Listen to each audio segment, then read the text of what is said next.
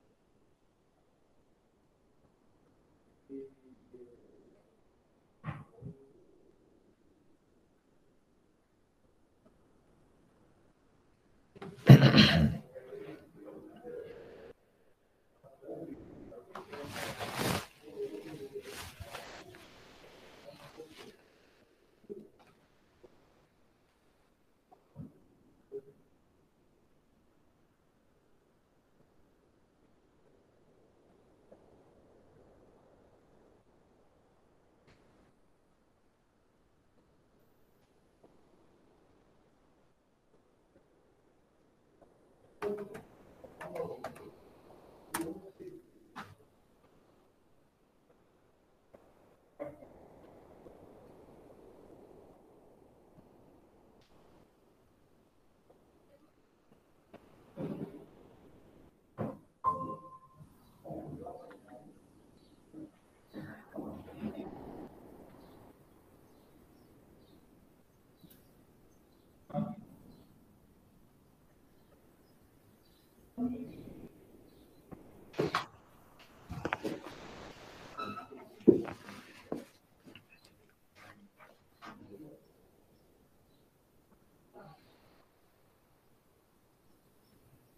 Pessoal, bom dia.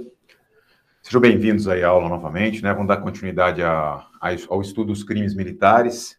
Deixa eu mandar para vocês a, apostila atualizada é, na parte de direito. Já foi feita atualização ontem também na parte de regulamentos, instruções e manuais, né? As diretrizes, manuais de policiamento ostensivo. Eu vou mandar para vocês no grupo aí. É, e depois vai ser postado na plataforma também. Deixa eu colocar aqui sargentos, né? Olha lá vai chegar para vocês aí a apostila atualizada, tá? É... Texto direito e tal. Legal. Então, acabei de enviar para vocês no grupo é, o, essa apostila. Essa apostila ela congrega todos os materiais que nós precisamos. Que material? Ela congrega, é, ela, ela fecha em cima do edital publicado, no último edital, todos os tópicos de direito, e ela congrega os exercícios, nós colocamos também, complementares para você realizá-los, para você fazê-los, e já traz o complemento faltante da, das matérias de direito. Dessa mesma toada, nessa mesma toada, vai ser feito é, com as matérias é, de conhecimentos profissionais, que é o regulamento de instruções diretrizes e o manual de policiamento ostensivo, tá? Já está atualizado já vai ser disponibilizado para vocês hoje. Depois, nós vamos pegar, juntamente com esses três materiais: direito, manuais de policiamento extensivo, regulamento, instruções diretriz. Vamos juntar com informática, português, matemática fazer um bloco único, apostila única nova para vocês, tá? Conforme o último edital, beleza? Então, para nós pegarmos é, na aula de hoje, eu não sei se eu consigo, não, não consigo. Eu não consigo abrir essa apostila por aqui. É, porque meu celular não se comunica com esse computador que eu estou usando tá? Ele, eu posso até mandar para mim, mas mandar, tem que mandar por e-mail. Deixa eu ver. Deixa eu consigo acessar aqui, encaminhar. É... Deixa eu ver se ele consegue acessar para mim. Eu vou falando a página que está para você. Oi, Leonê. Você um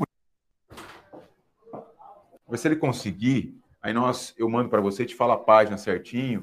Vou te falar onde está cada crime. Fica mais, até mais fácil, né? Mano, eu tenho um arquivo aqui que está no meu e-mail, no meu, meu WhatsApp. Eu já mandei para ele já. né, no grupo deles. Só que precisar colocar naquele computador. Ou é, eu gravar ele para mim. Como é que eu mando para cá? Seria ideal mandar por e-mail, por exemplo. Eu mando por e-mail e ele, você recebe aí. Você manda para o meu WhatsApp que eu consigo. Ah, você consegue? Eu consigo. Espera aí que eu vou... Traz ele aqui então, que o... o seu é iPhone ou não?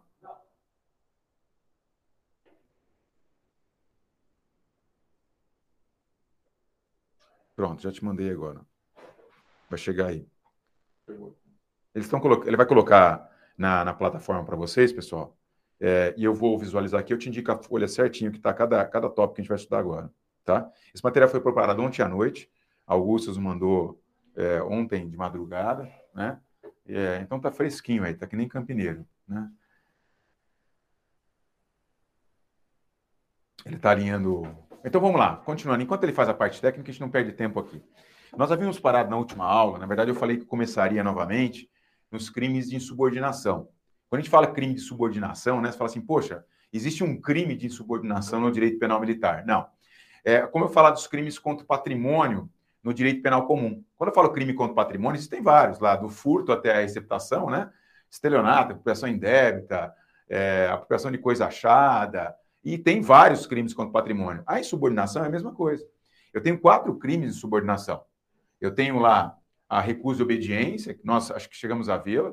Nós temos lá a oposição à ordem de sentinela, a publicação ou crítica indevida e a reunião ilícita, não nessa ordem, né?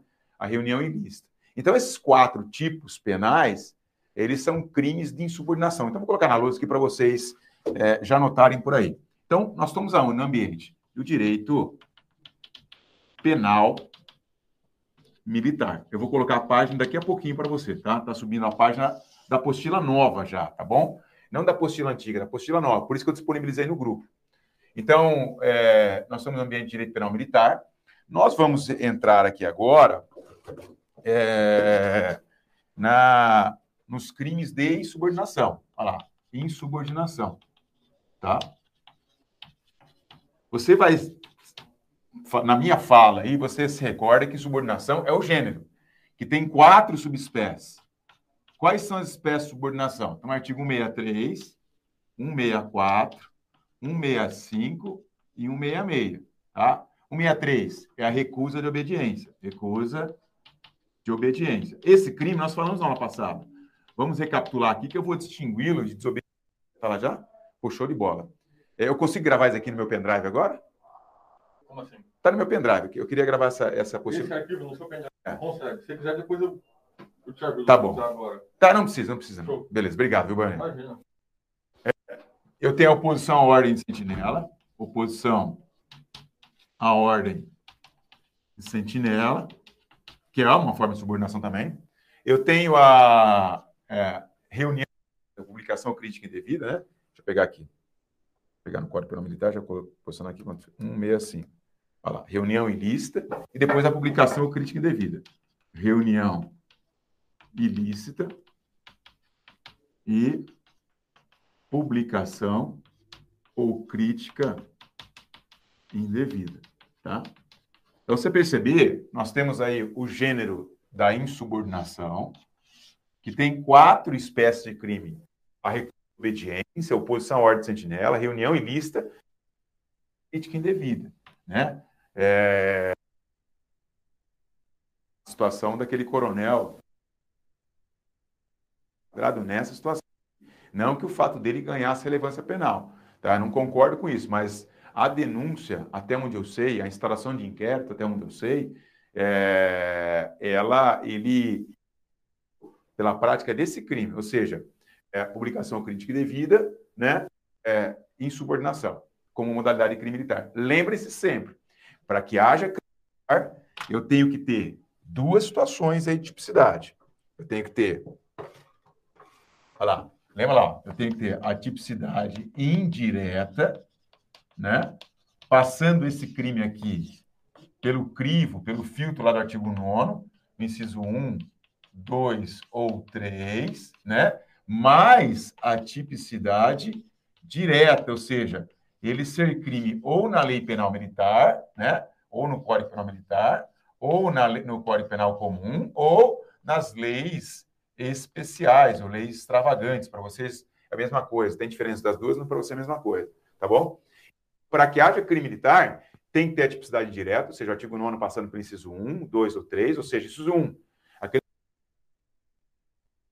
Lembra que eu falei para vocês? Ó, só presença no Código Penal Militar, né? O inciso 2, ele tá, são crimes presentes no Código Penal Militar e os da Lei Penal Comum, no Código Penal, né? Ou nas leis especiais, tá?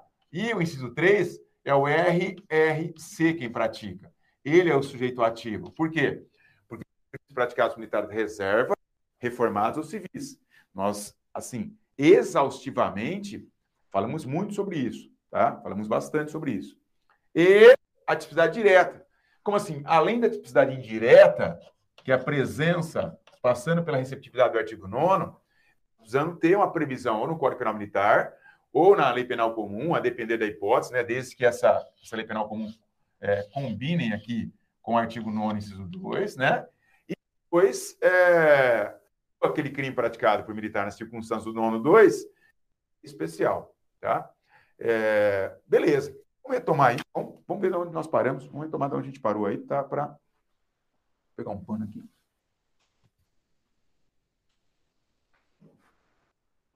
Vamos lá. Nós havíamos parado, eu comentei, inclusive, né? Comentei sobre o artigo 63. Então vamos lá, pegar o artigo 63, a insubordinação. Você sempre lembrando que esse, ó, nós estamos no capítulo 5, né? Ele está. Ah, deixa eu compartilhar a tela com você. Ah, um momentinho só, deixa eu falar que página que está para você também, nessa apostila nova que você acabou de descarregar aí, está acompanhando. Então, pegar lá, artigo 163. 163. Está na página. Vamos lá. Página Ih, não está paginado aqui. Hein? Putz, ela esqueceu de paginar. Putz. Esqueceu de paginar.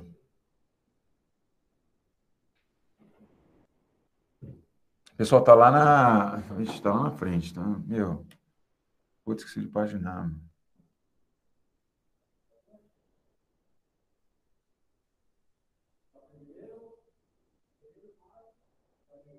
Deixa eu falar para ela, pela página. Esqueceu. Poxa, que pena.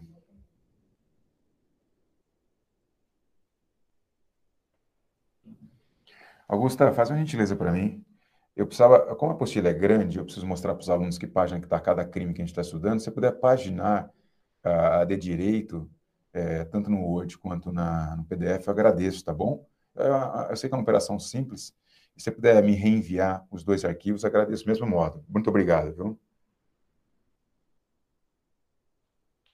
Então, é, ela vai paginar. Mas, tá, ó, tenta encontrar. Está lá nos crimes militares, está no primeiro terço. Está no primeiro terço da matéria. Tá? Ah, não, está no segundo terço da apostila. Terceiro terço da apostila. Está na parte final. Está na parte final, lá embaixo. Se você abrir o PDF, dá um Ctrl F e coloca aí. Recusa recusa de, ou artigo 63, tá? É, você vai encontrar esse, esse crime lá, é, recusa de obediência. Então, pega recusa de obediência, eu vou compartilhar com vocês aqui na, na no Código Penal. Só lembrando para vocês que a gente está estudando os crimes, ó, deixa eu colocar para você, desde o motim revolta, vou compartilhar a tela aqui, um momentinho só. Só um momento. Para... Ah, vocês já estão compartilhados com vocês já. Então, vou ter que exibir a lousa novamente, que você não estava vendo a lousa. Então, vamos lá, a lousa de novo aqui, ó. Você que está olhando a lousa agora. Nós temos o direito penal militar, tá? Você tem quatro crimes aqui que tratam de subordinação. Então, o direito penal militar tem dos, dos crimes do capítulo que trata da insubordinação, tá? Então, quando falar, pô, o cara praticou o crime de subordinação. Não, não. Ele, o crime de subordinação, pessoal, ele é um, um, um gênero que tem algumas subespécies. Quais são as, as subespécies do crime de subordinação. Tem o artigo 63, que é a recusa obediência, 4, que é a oposição à ordem de sentinela, o artigo 65, que é a reunião ilícita, e o artigo 66, que é a indevida, tá? Esse, essas daí são formas de subordinação, são espécies de subordinação. Lembrando o quê? Que para que nós tenhamos crime militar, eu tenho que ter a tipicidade indireta, depois a tipicidade direta. O que é tipicidade indireta?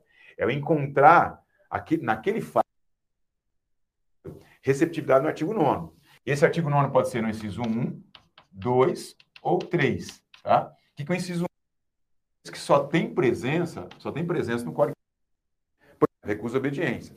Só existe crime no Código Penal Militar. Oposição à ordem sentinela. Só tem esse crime no Código Penal Militar, tá bom? É, inciso 2.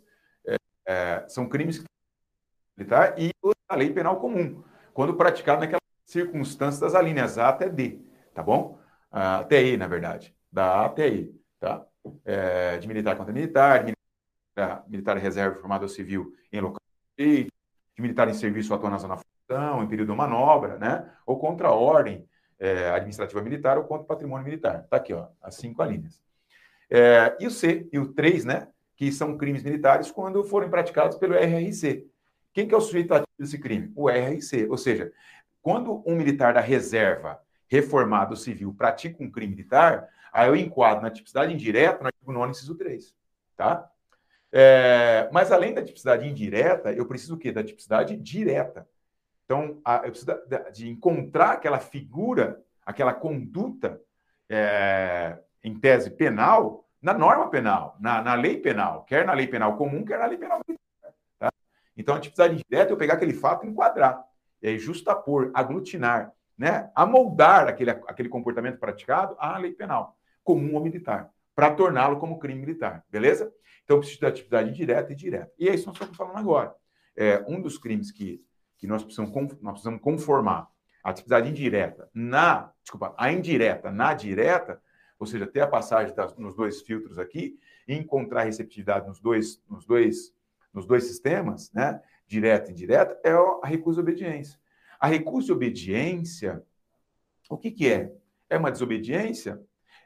Poderíamos até dizer que sim, mas existe uma diferença muito latente, né? Na primeira, pegar a primeira hipótese aqui, ó, da recusa obediência, ou seja, o artigo 163, tá?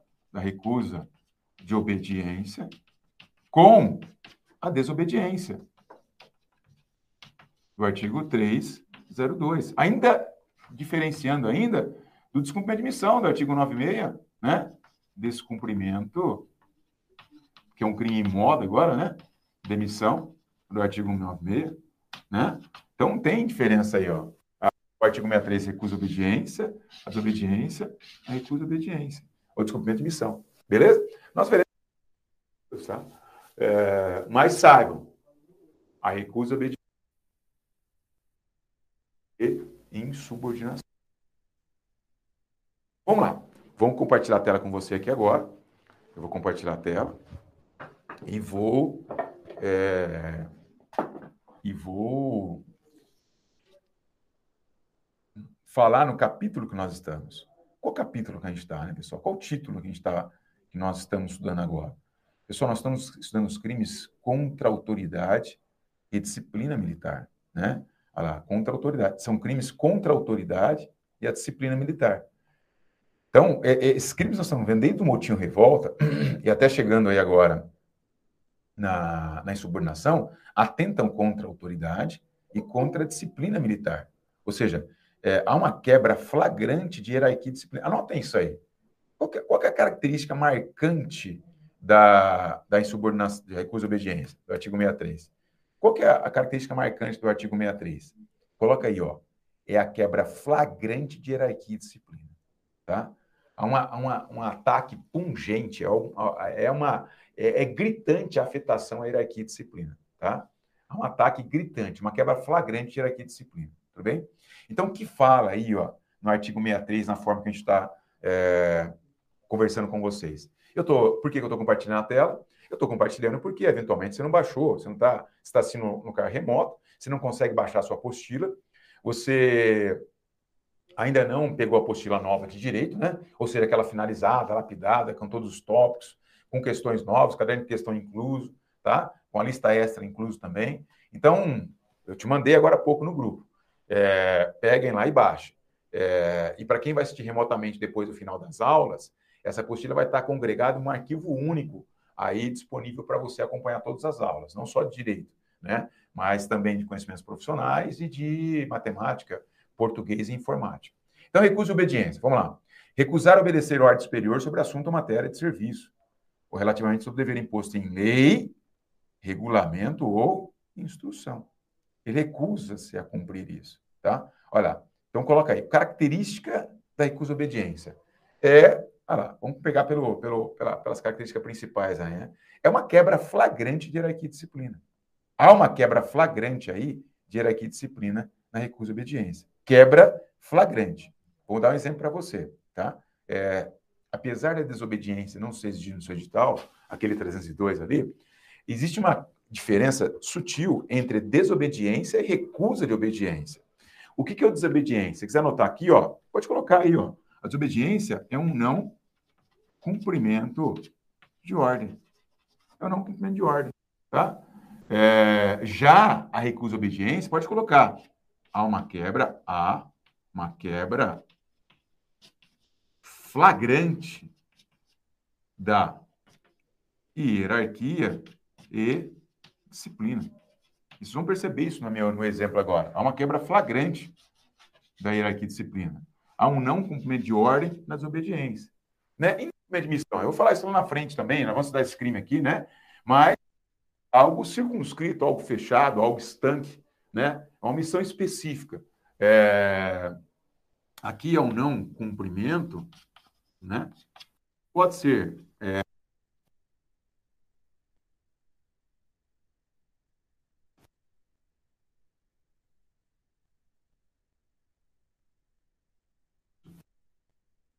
Então, há uma diferença sutil entre os três crimes aí.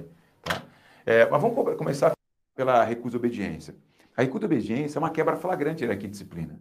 Exemplo, se de um lado, esse é não cumprimento de ordem, para você estar no exemplo, né? fala assim, pessoal, ó, você está de CGP lá de uma unidade. E aí você fala assim, ó, eu não quero, aqui no serviço de dia, que os internos aí, eles se alimentem fora do, do refeitório. É, falar para o encarregado de serviço de dia, né? Eu não quero que isso ocorra. Isso é, se por acaso, mais tarde você passa lá e ah, também não quero que eu, que eu tenha ordem de serviço a respeito, eu não quero aí que façam atividade esportiva usando a quadra, a quadra poliesportiva no fundo do batalhão, tá? Então você dá essa ordem para eles. É, e passa mais tarde, no final do serviço, né? Quando eles pensam que você já encerrou seu turno, você passa lá, meu, os caras estão fazendo churrasco, tocando pagode, campeonato lá, 10 minutos, dois gols. Meu, tá um negócio totalmente desobediente em relação àquela ordem que você via passar anteriormente. Isso é recusa obediência? Isso é desobediência ou descumprimento de missão? Ora, o que é desobediência? É um mero descumprimento de ordem. É, é um mero descumprir ordem. Né? Você pode analisar esse fato sobre a ótica disciplinar e pode analisar esse fato sobre a ótica disciplinar e penal militar. Tá? Então, nesse é uma desobediência, que é um não cumprimento. É, já a recusa de obediência há uma quebra flagrante, há uma afronta total a autoridade disciplinar. Então, até que nós estamos estudando qual capítulo que está inserido que eu falei para vocês aqui, ó. Está inserido, né? Aqui, ó. Deixa eu colocar aqui. Ele está inserido ainda. A, aonde? Nos, nos crimes contra, ó, crimes contra a autoridade e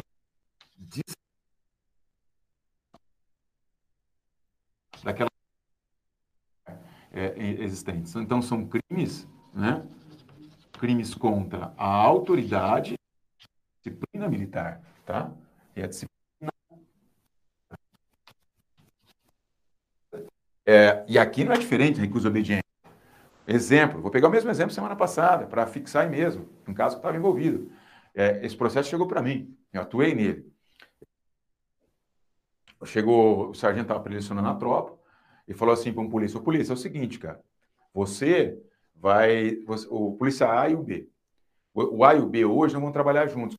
Estava ligado que os caras estavam dormindo no serviço, está fazendo zoinho lá para as duas, três, quatro horas da manhã, que a gente sabe que não tem nada. Não. Pega um dia de terça, quarta, não, começa a não tem nada. Chega três, quatro horas da manhã, não tem nada. Aí quatro horas da manhã o cara começa a ligar porque o, o telhado começou a fazer barulho, ele pensa que é o ladrão no telhado, mas é o gato andando, né? É aquele acorda aquela hora e começa Mas assim, o cara queria fazer, ele tá desconfiado que os caras faziam um zoinho, né? Olha lá, um, entre é, nesse horário, o A e o B, costava a viatura, meu, ficava ali dando cochilinho e tal. Falou, meu, eu vou sentir esses caras. Por que, que ele tá desconfiado? Porque o rádio chamava, eles não atendiam. Né? Vou sentir, sentir esses caras, vou colocá-los para trabalhar na base imóvel. Aí falou assim, ó, a partir de hoje, é, nesse serviço no próximo estão escalados na base semimóvel na Engenheiro com voluntários da pátria, por exemplo. Né? Tinha uma base imóvel ali em frente ao Hospital Mandaqui e em frente ao McDonald's, numa pracinha que tem uma biblioteca.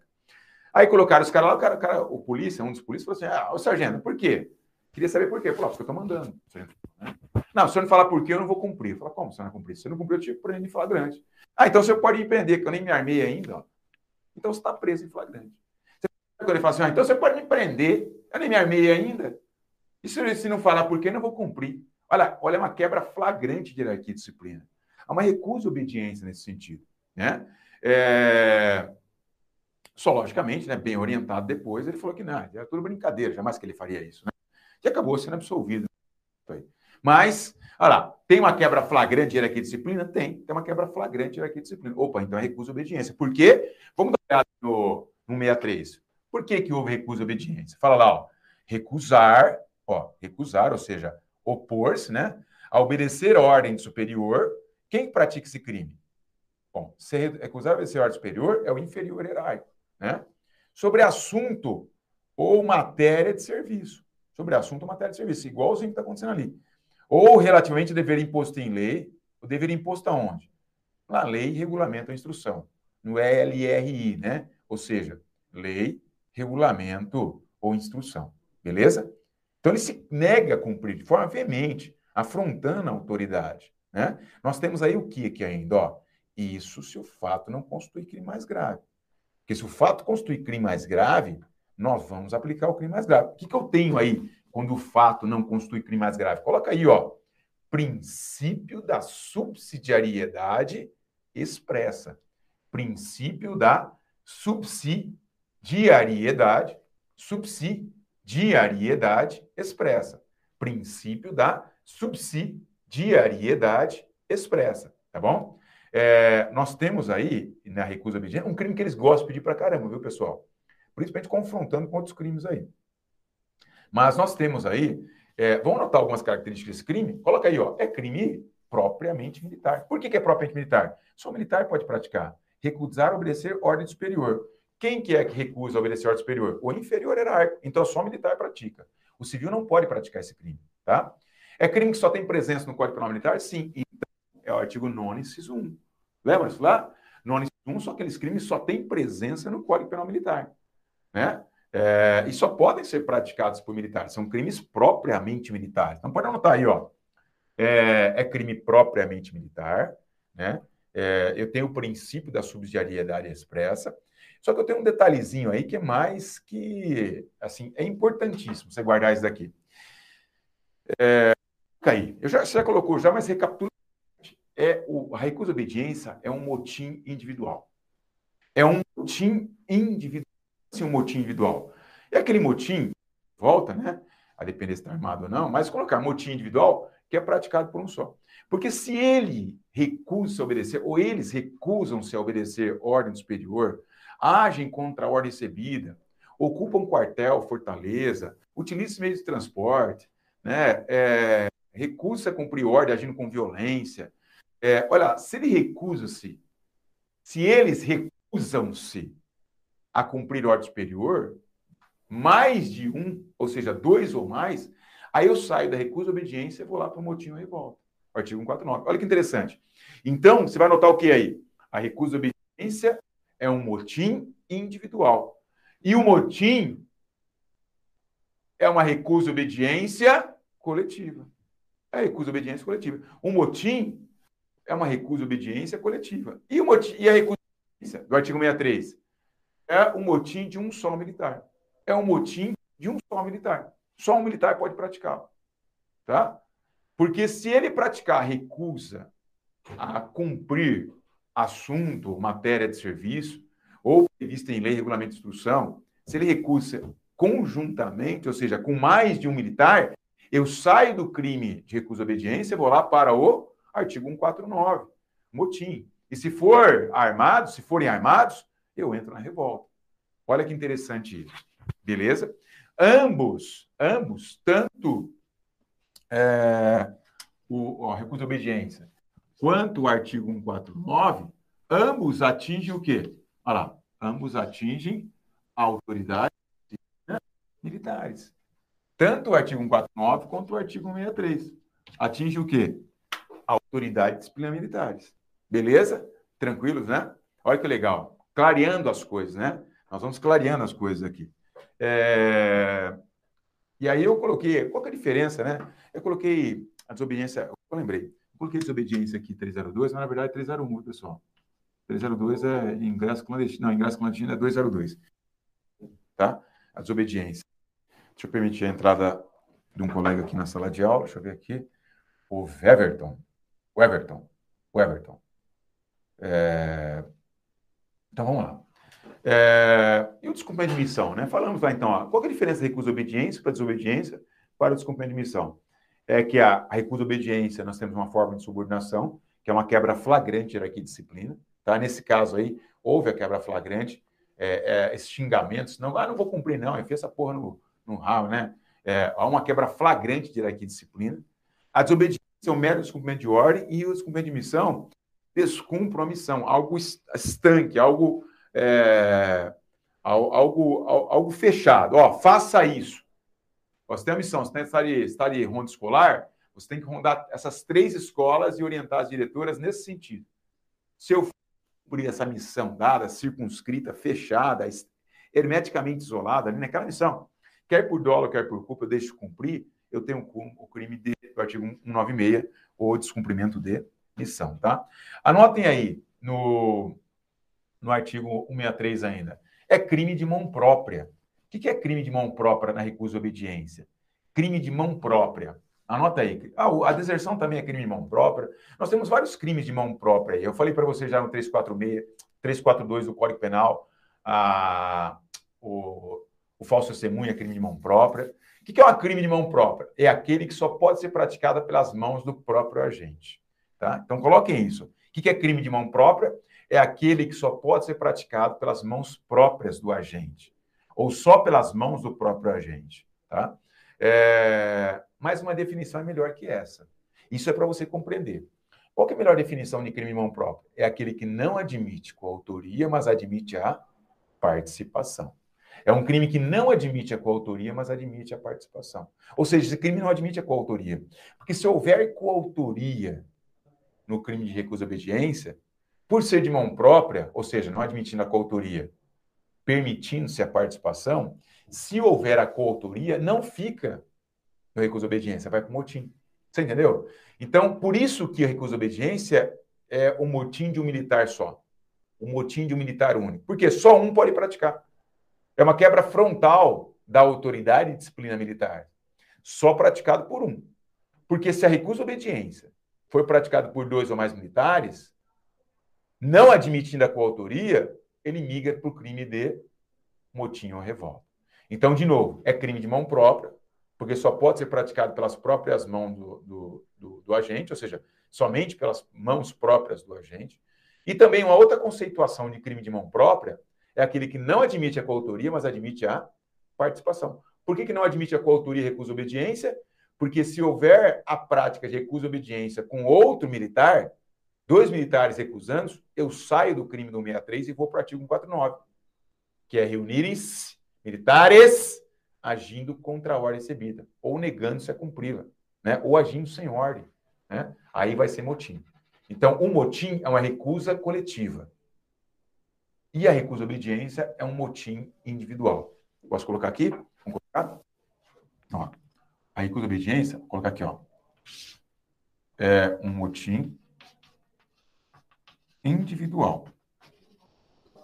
Ou seja, de um só militar.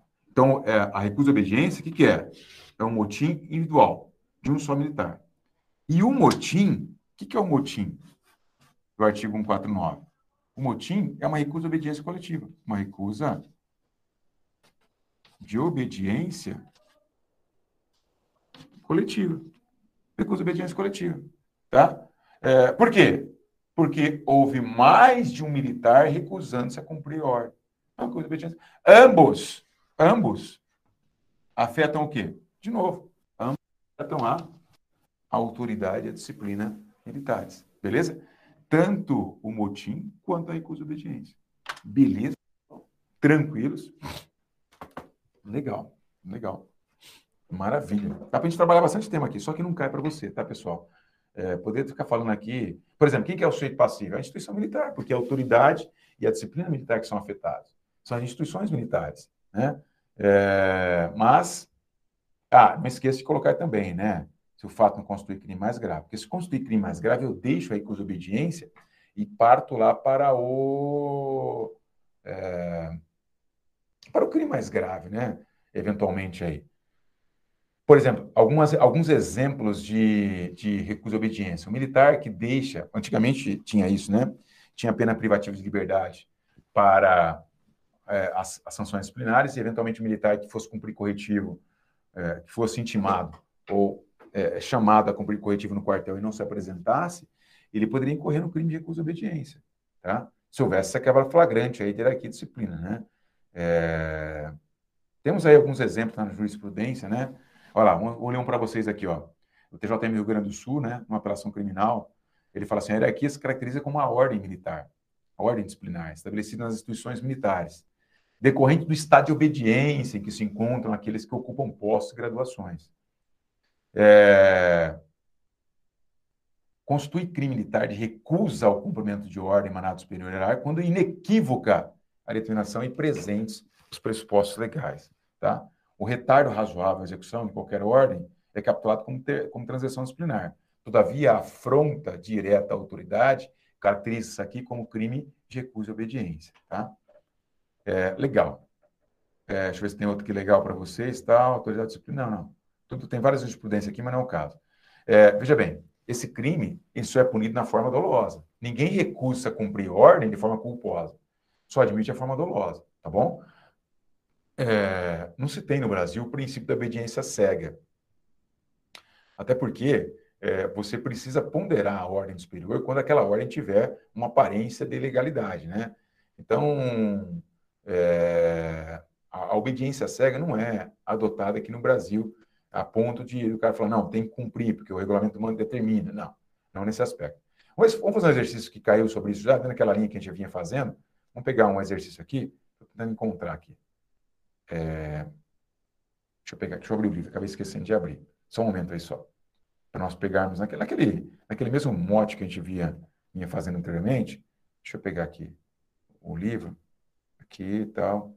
Se não está chegando o que estou fazendo, é porque eu estou pegando, estou abrindo um livro aqui, tá? Direito penal militar e tal. Legal. Alguém perguntou alguma coisa ali, deixa eu ver.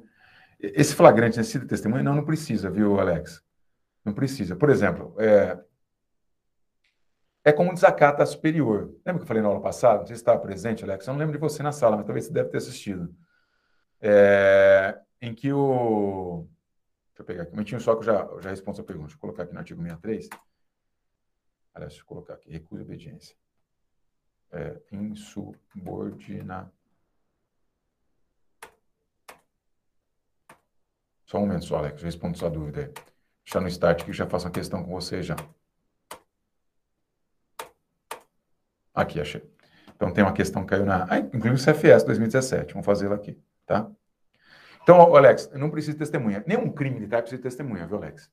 A não ser que ele desrespeita a superior. Para configurar o crime de desrespeito a superior, tem que um militar desrespeitar o, o superior diante de outro militar. Mas não é esse militar é, para ser testemunha. Ele vai servir como testemunha depois.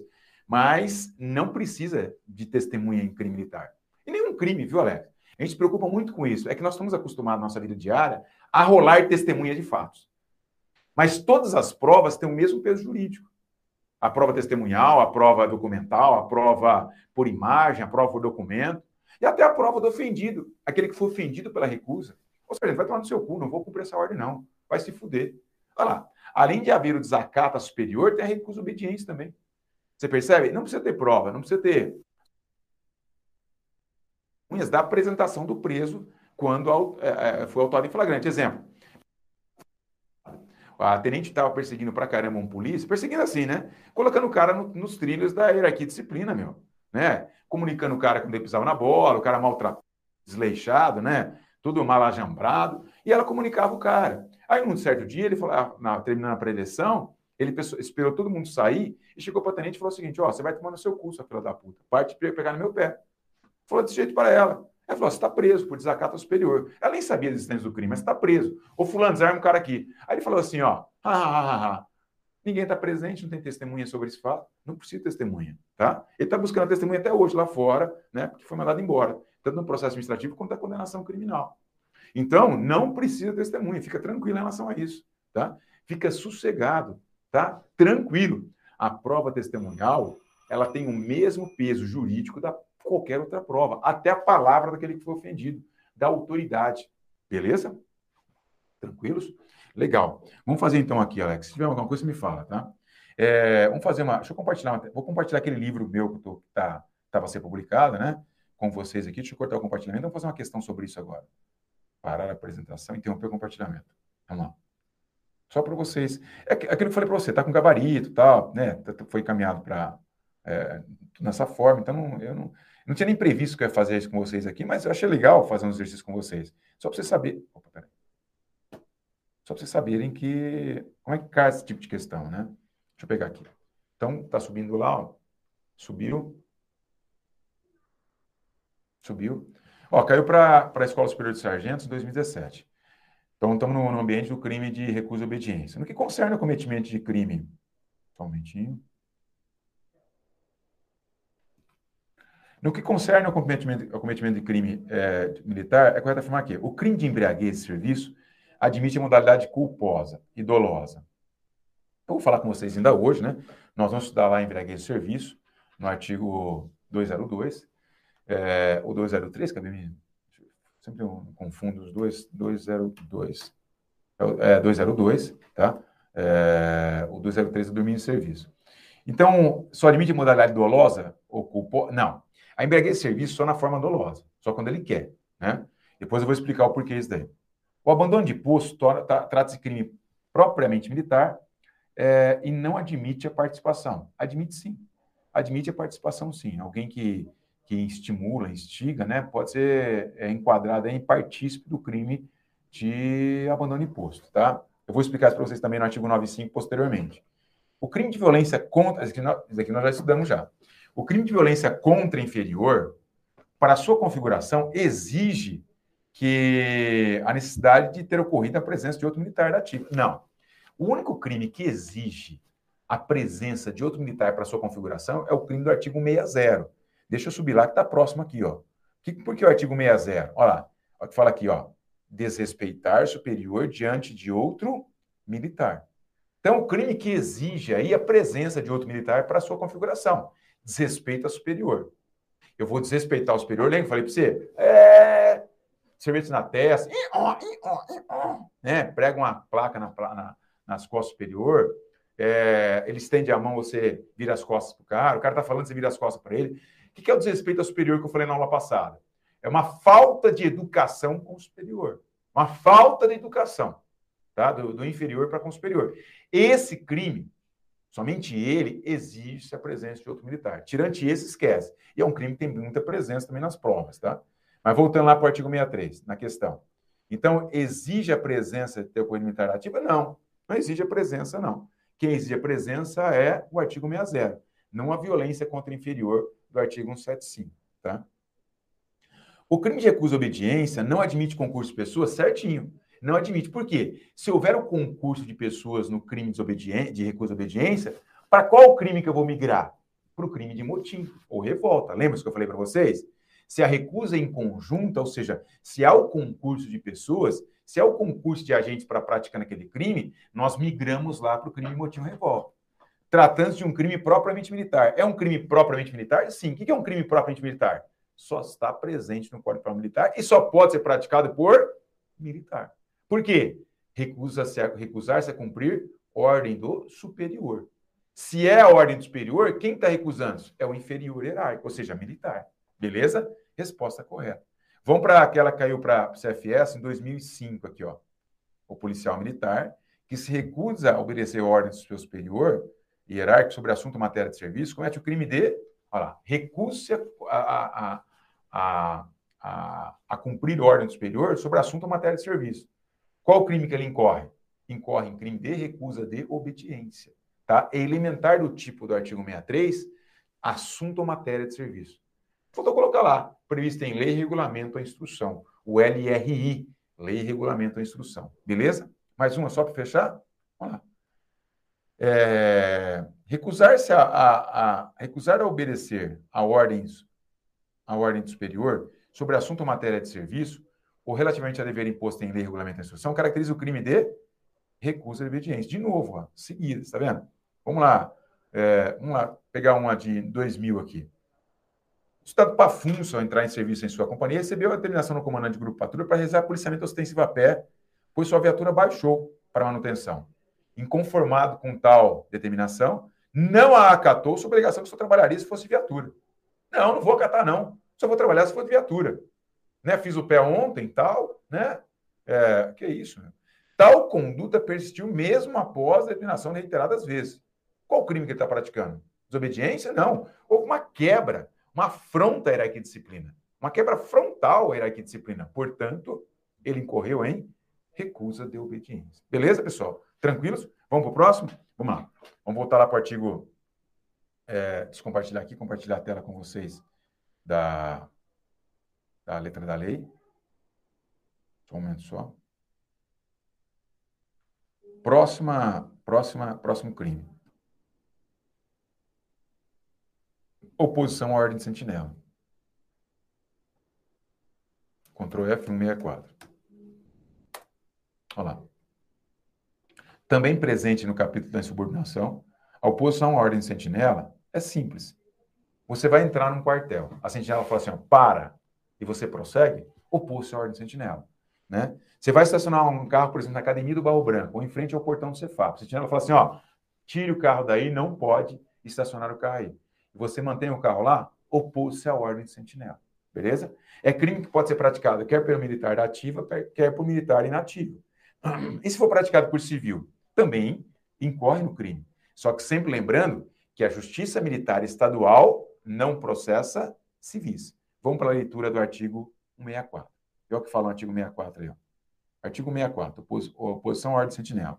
Modalidade de subordinação, tá bom? Opor-se Veja bem, ele não disse se é militar ou não. Opor-se, pode ser militar da ativa, inativo, pode ser o civil, opor-se é, às ordens da sentinela. Então, por exemplo, eu vou no encontro de carro antigo, gosto de carro antigo, né? Aliás, quem, gost... quem tiver carro antigo aí, quiser compartilhar comigo no particular aí, é, sobre assuntos e matérias de carro antigo, eu gosto muito, né? Para quebrar um pouco aí a, a, a seriedade do nosso tempo. Se tiver um também, eu gosto de carro antigo, principalmente os V6 os V8, né? É, mas, olha lá, pode mandar para mim aí que a gente vai trocando ideia, no particular, tá bom? Ou mandar a foto do seu, eu mando a foto dos meus também, para você ver. É legal a gente compartilhar isso aí. Mas vamos lá. Então, eu vou entrar na, na, na, na UMB, é, no AMB, né?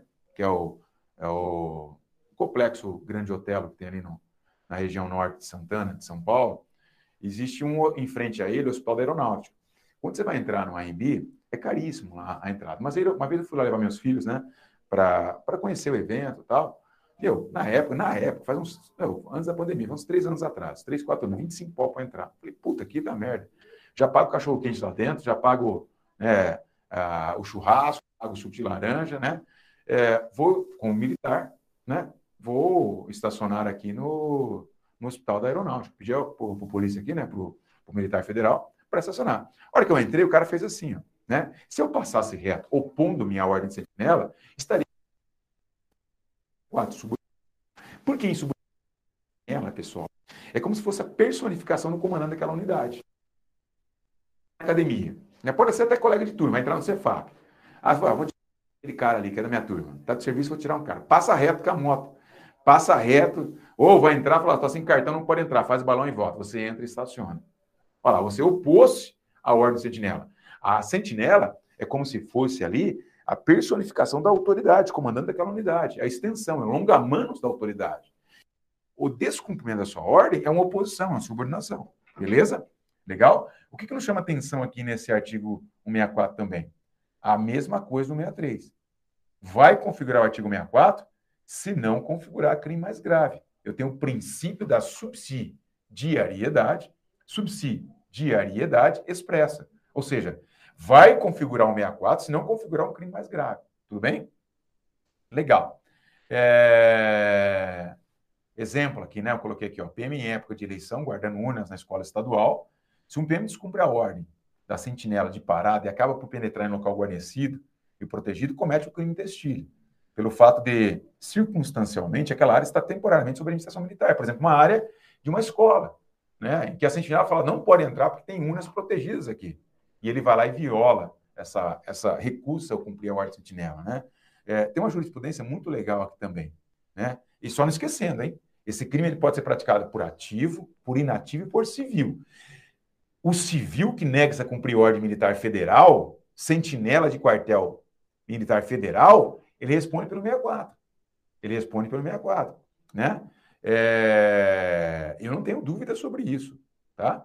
Agora, e se for ordem de sentinela de quartel da PM? Aí vai ser desobediência. Aí é o crime lá do artigo 329 do Código Penal, desobediência, tá? Na verdade, 330, perdão. A, a 329 é resistência.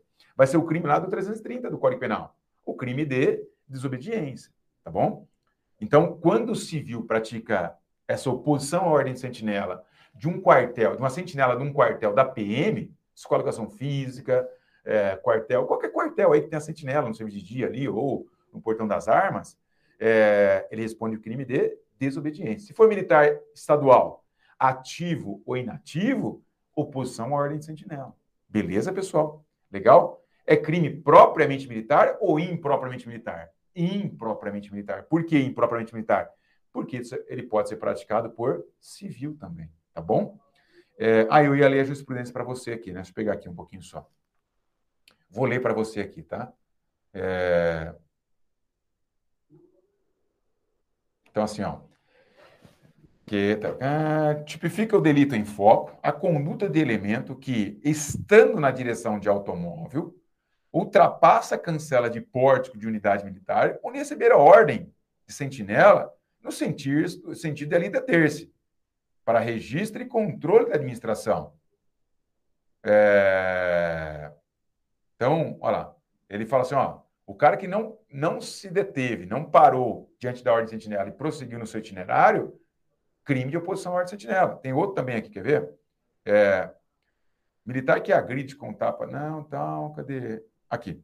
Militar que atravessa cancela em motocicleta em alta velocidade, sem atender o sinal de pare de seus colegas que encontravam-se de plantão, comete o crime de oposição à ordem de sentinela previsto no artigo 64 do Código Penal Militar. Pronto. É... Houve apelo nesse sentido aqui, mas foi mantida a condenação. Tá? Caiu uma vez uma questão é, da situação do cara mandar ele parar para fazer a conferência do cartão de estacionamento.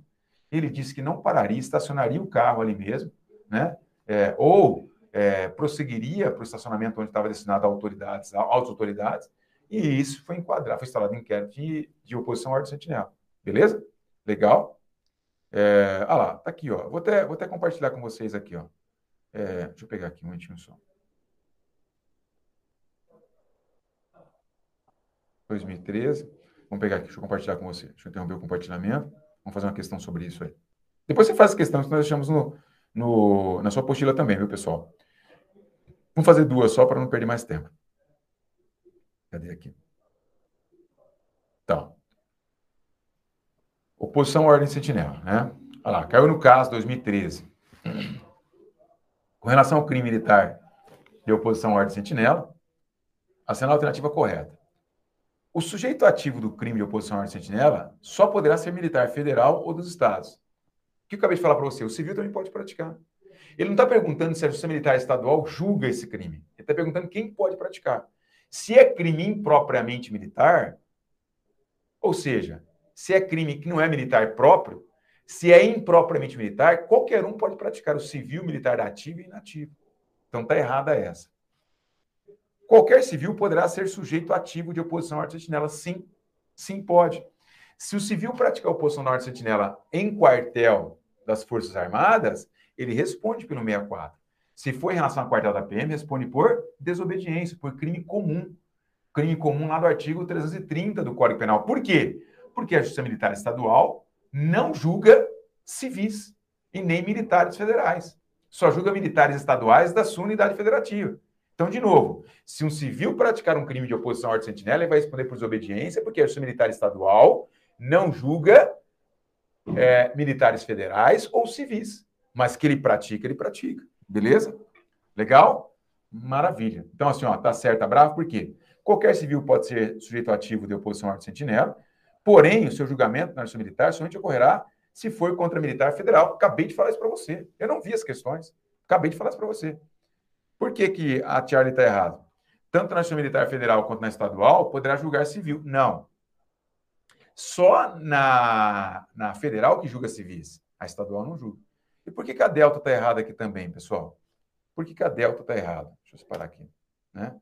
É, não será considerado crime de oposição à ordem sentinela na Delta.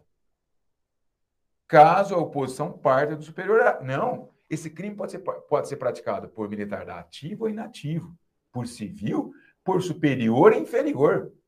Até o superior pode praticar crime. Imagina, por exemplo, o coronel, que, que é, não sei se você conhece a Academia do Barro Branco, mas a entradinha é bem curta, só cabe um carro ali. Aí chega um coronel inativo, para o carro ali e fala assim: Nossa, vou sacar um dinheiro aqui no Itaú, aqui na frente. E a sentinela fala assim: Ó, oh, cidadão não pode, ele não sabe que é coronel. Não pode deixar o carro aí, não. Não, só vou ali correndo só. Não pode. Tira o carro daí agora. Se ele se opuser a, a cumprir a ordem sentinela, ainda que seja coronel, configurou o artigo 64. Por quê? Porque a sentinela é a personificação do comandante da unidade naquele momento. Beleza? Legal. É, e aqui, só para finalizar, que, assim, eu achei legal essa, essa questão, também caiu para o caso 2012 né? E fala lá. Vou pegar um negócio aqui. E fala lá. É... Só aumenta aqui.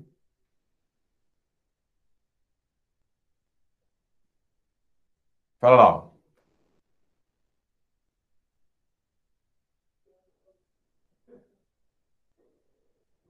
Olha só. Durante certa manhã, o soldado PMX, ao tentar adentrar no quartel com seu veículo particular, foi impedido pela sentinela do portão das viaturas, pois havia recebido ordem de não permitir que ninguém adentrasse o quartel, uma vez que o estacionamento estava com lotação máxima. Mesmo, ó, mesmo diante, tomando ciência desse fato, o soldado PMX se opôs à ordem sentinela de, de plantão e adentrou o quartel, só saindo posteriormente com determinação do comandante da guarda. Quando é que está configurado o crime? Quando ele se opuser. Ele se opôs a cumprir a ordem sentinela, está configurado o crime. Tá? Diante disso, qual o crime que ele praticou? Desobediência? Desacato a militar? Né? É, desacato a superior? Ou oposição à ordem sentinela? Não tenha dúvida. Praticou uma forma de subordinação chamada oposição à ordem sentinela. Se tivesse subordinação aqui, ó, se tivesse trazido em subordinação aqui, estaria certinho também. Estaria correto. Beleza? É, vamos voltar lá para nossa para nossa nosso compartilhamento é, em relação à letra seca da lei. Vamos pegar aqui mesmo, então, vai. Vamos pegar aqui mesmo. Deixa eu pegar aqui, só um momento só.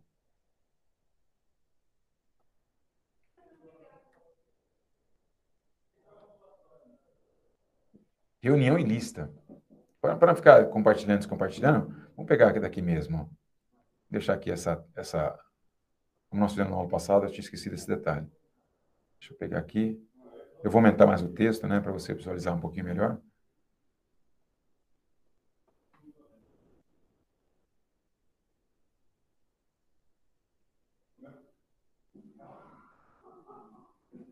Só um momento só.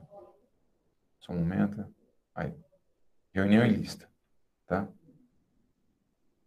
Reunião e lista. Também é uma forma de subordinação. A reunião e lista. Né? É, e fala aí, ó, vamos pegar aqui, ó, promover reunião de militares ou nela tomar parte. Ó, pessoal, ou ele promove ou ele toma parte, tá? Ou ele promove reunião ilícita ou toma parte. O que é promover? Organizar, né? Arrebanhar pessoas, engendrar a reunião ou tomar parte. A reunião está acontecendo já, ele vai lá e, se, e adere à reunião, né? É, para discussão aí de ato superior o assunto atinente à disciplina.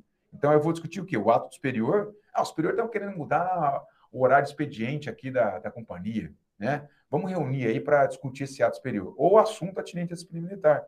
Pô, o capitão está sendo muito, tá sendo muito é, leonino quando está aplicando essas punições aí, essa escala extra. Ó, vamos discutir assunto atinente à disciplina militar ou ato superior. Quando se faz isso, e promove reunião, toma parte para discutir, pode ser até no boteco, tá? Pode ser pelo Facebook, pode ser pelo WhatsApp. Vamos criar um grupo para isso, para isso. Quando eu vou discutir ato superior, quando eu me reúno para discutir ato superior, o assunto atinente à disciplina militar, isso daqui é crime militar. Tá? Veja bem, pessoal, falar mal do superior, eu acho que é até inerente ao subordinado. Falar mal do superior. Isso não é, é reunião ilícita. Tá? Isso não é reunião ilícita. Você pode configurar outro crime, calúnia, difamação, injúria, né? Mas reunião ilícita não é. Mas quando eu me reúno, olha lá, promover a, eu promovendo a reunião, ou tomando parte em reunião para discutir ato superior, o assunto atinente à disciplina, aí sim eu tenho o crime configurado, tá? É, aí tem um, a pena, ela fala o seguinte, ó, de seis meses a um ano para quem promove, então a pena para quem promove é mais grave de dois a seis meses para quem toma parte, né? Ela participa. O que é tomar parte? É participar, tá? E isso se o fato não constitui crime mais grave, tá bom? Se o fato constitui crime mais grave, aí nós não temos a, a incidência dessa figura penal. Pessoal, se você perceber, não tem nenhuma questão sobre isso. Perceberam isso aí? Até hoje, assim, se caiu de pouquíssima relevância penal é, ou de relevância para nós aqui em termos de estudo, é, esse crime. Mas não no, nos concursos recentes, quando eu falo recente, nos últimos 15 anos, não caiu nada sobre isso, tá bom? Não caiu nenhuma questão sobre isso. Então vamos, vamos pegar alguns aspectos aí dessa da, da é, do artigo 65, só para eu marcar para você. É assim, quando eu falo promover, como eu falei para vocês, é aquele que toma iniciativa de organizar, de engendrar aí, né? É, de, de buscar aí pessoas para participar dessa reunião, ou tomar parte. A reunião está acontecendo, você vai lá e adere a ela, tá bom? Mas para discussão do quê? Duas coisas: ato superior e assunto atinente à disciplina militar, tá? O ato superior, mudança de rotina, é, mudança, mudanças administrativas, é, entrar em forma todo dia, cantar canção na PM, sabe aquelas coisas? Discutir ato superior. O assunto atinente à disciplina, diz respeito àquela, ao fiel cumprimento das ordens, das, das leis, regulamentos é, e instruções, tá? É, duas penas aí para quem para quem organiza para quem participa, e tem aí o princípio da subsidiariedade expressa, ou seja, vai configurar o crime do artigo 65, né, a participação crítica indevida, se não, é, a reunião, é, a reunião ilícita, né, é, se não configurar crime mais grave, tá bom? Pode colocar aí, anota aí, é crime propriamente militar. Né? Por quê? Porque só pode ser praticado por militar. Por que só pode ser praticado por militar? Porque é para discutir ato superior ao assunto atinente à disciplina. Só militar pode praticar isso daí, tá? É assunto atinente à disciplina. É, quem pratica esse crime? É o inferior hierárquico. É o inferior. O superior hierárquico, se ele fica sabendo que o inferior, por exemplo, o major, fica sabendo que o capitão vai, vai é, organizar uma reunião para discutir alguma coisa e ele toma frente, não tem crime. Então, esse crime é praticado por quem? Por inferiores hierárquicos, tá? Se o superior é que pratica, critica ato de inferior, não tem crime, tá bom? É, se o superior promove também a reunião, não tem crime, tá bom? É, administrativa, não. A mera promoção para organizar a reunião já faz configurar. Se eu tomar parte, ainda que por poucos instantes da reunião, para discutir ato superior ao assunto atinente à disciplina, também está configurado o crime aí, tá? Então, um crime que a gente pode falar que é instantâneo, tá? É, não admite tentativa que mais pode falar sobre isso? É, falei que falar mal para você não é crime, né? É, é só, só. É uma modalidade de crime de subordinação. Mas guardem as elementares aí, ó. Eu gosto dessas elementares aqui, ó.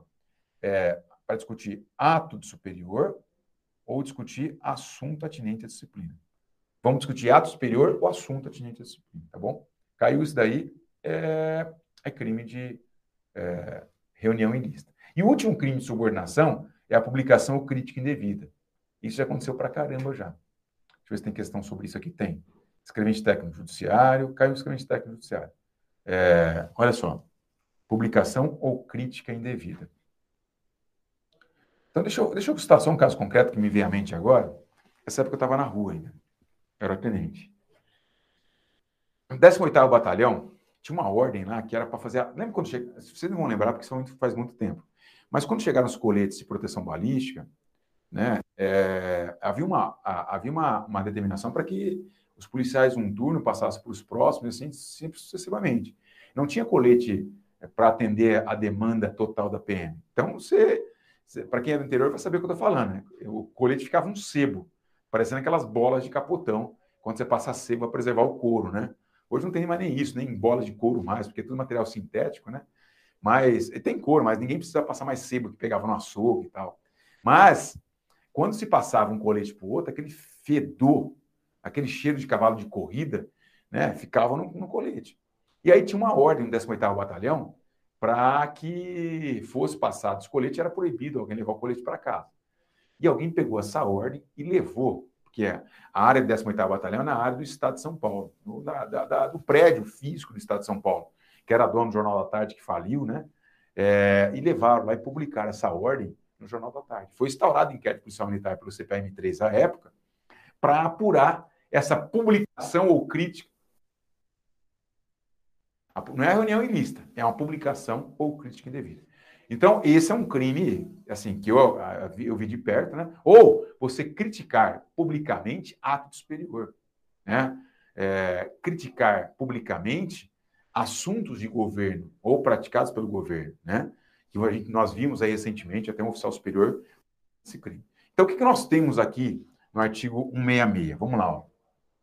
Artigo 166. Publicação ou crítica indevida. Publicar o militar. Publicar o militar ou assemelhado é, sem licença, porque se tiver licença não tem crime. Então sublinha a sua apostila sem licença. Por que sem licença?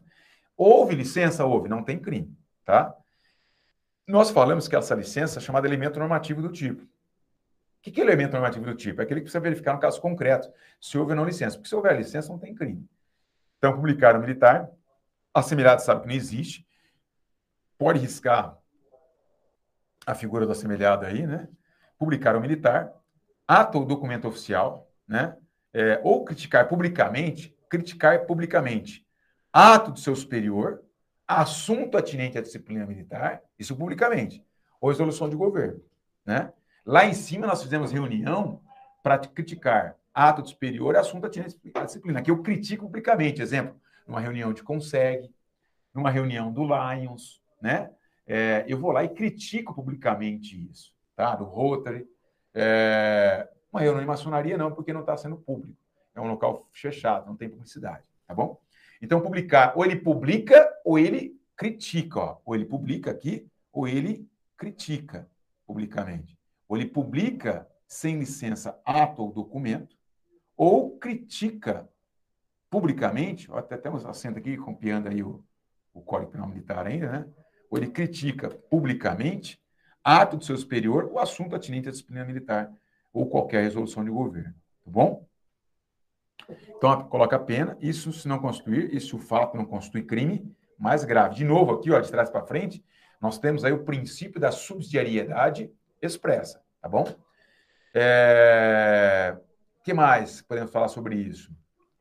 É crime próprio ou impropriamente militar? Propriamente militar. Só tem presença no Código Penal Militar. A tipicidade indireta, artigo 9, inciso 1. Crime propriamente militar. Só pode ser praticado por militar e só tem presença no Código Penal Militar. Quem que é o sujeito passivo desse crime? Aliás, qual que é o bem jurídico afetado? Vamos colocar assim, ó. Qual que é o bem jurídico afetado? Não tenha dúvida, está aqui na lousa, ó. É a autoridade e a disciplina militares. autoridade e disciplina militares, tá? Quem que é o sujeito passivo? As instituições militares. As instituições militares são o sujeito passivo, enquanto bens jurídicos, bens jurídicos afetados, quando ele faz a crítica indevida, é a autoridade de disciplina militares. Tá bom? É, poderá haver ainda, viu, pessoal?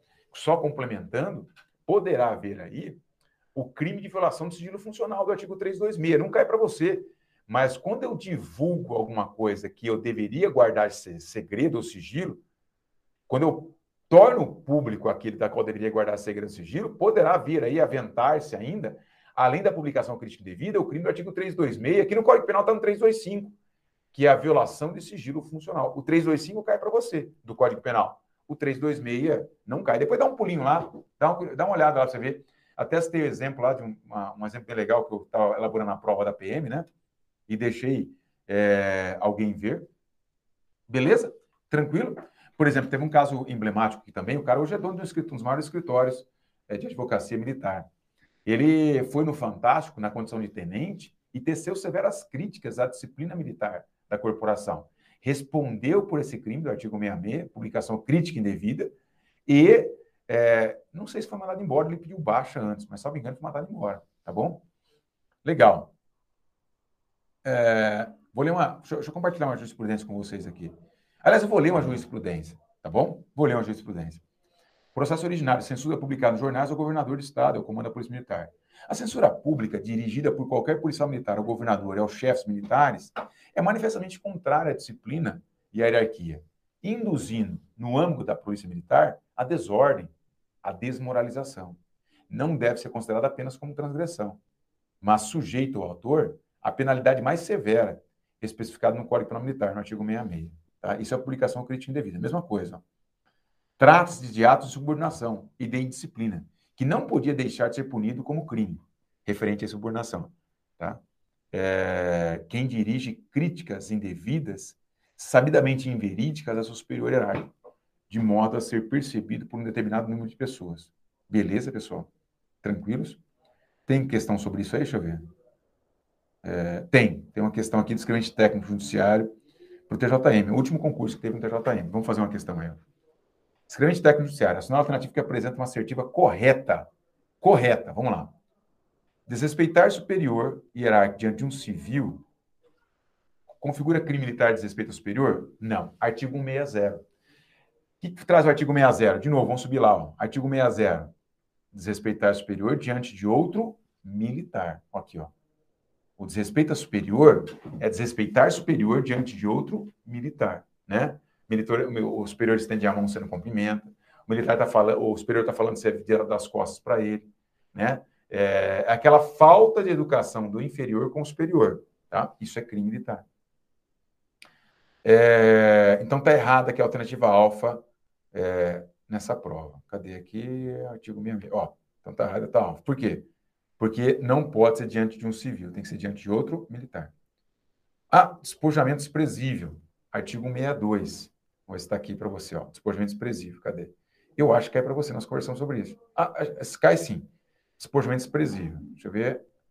Eu acho que eu não fiz nenhum, é, nenhum uma questão sobre isso com você. O que, que fala despojamento desprezível? Despojar-se de uniforme, insígnia ou condecoração, né, militar ou distintivo, por menosprezo ou vilipêndio sabe que esse crime pode ser praticado por civil, não só por militar da reserva ou da ativa, pode ser praticado por civil, e é crime contra a autoridade e disciplina militar.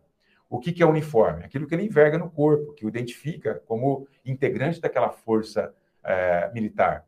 Condecoração, é aquela medalha, né? É, muitos falam aí do PMZito, a insígnia, as divisas, os distintivos, os cursos.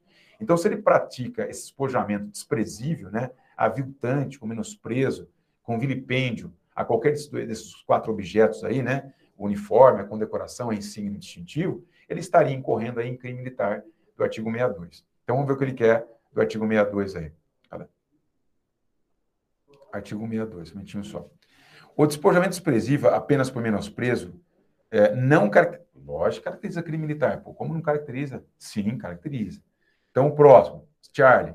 O militar que critica publicamente em rede social, na internet, uma resolução do governo pratica crime militar de publicação crítica indevida? Sim. Por quê? Porque se nós pegarmos aqui, ó, ó, ó, aplicação crítica criticar publicamente ato de seu superior, criticar publicamente assunto atinente à disciplina ou resolução de governo.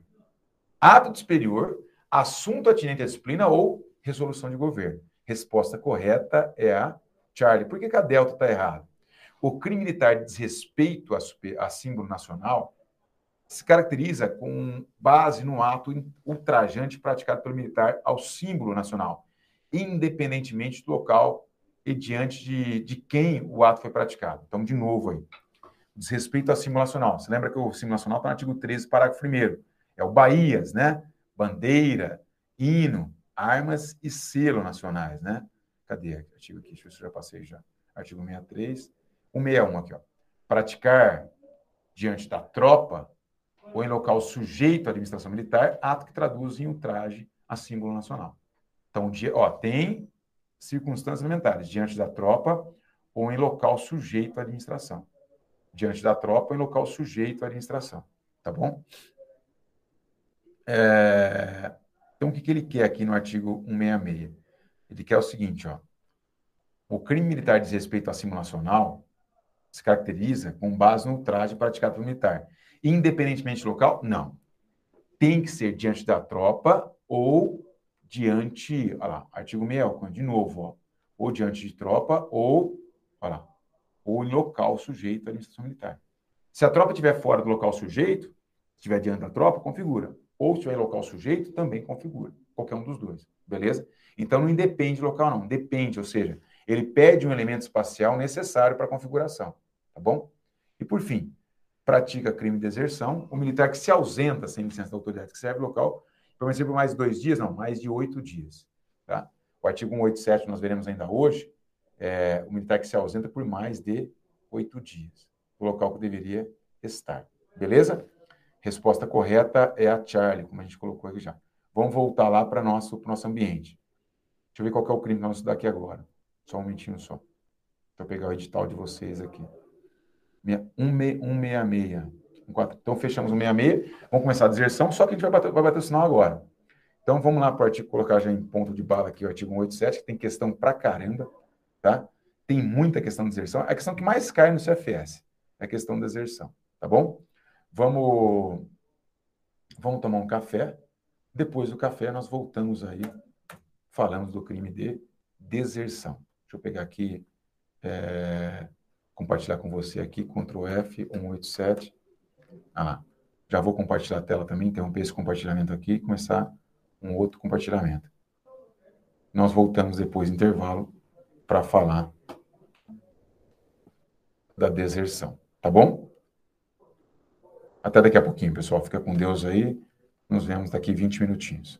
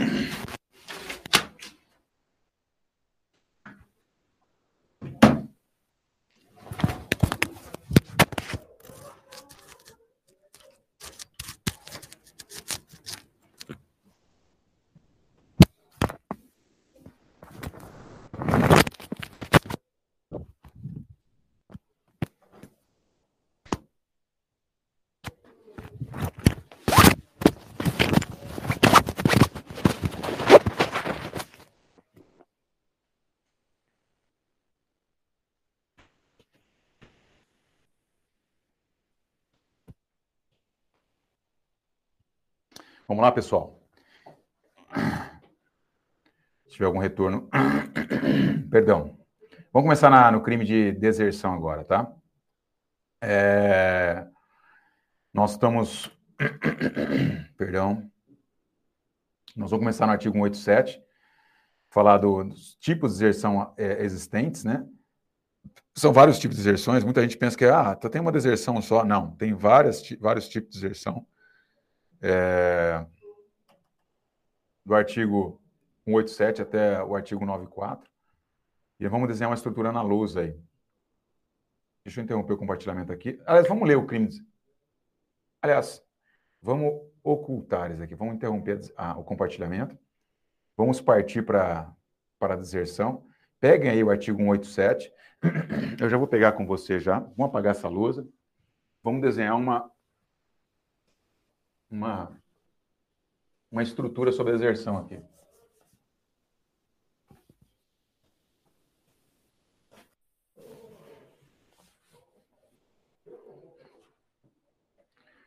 Nós iremos falar agora da deserção. Deserção é crime que só sabe que só tem no Código Penal Militar, portanto, é crime propriamente militar. Só pode ser praticado por militar, né? Só que a deserção, pessoal, nós temos tipos de deserção. Quais são os tipos de deserção que nós temos? Temos uma mnemônica para isso, né? Olha lá. Sai, CFO,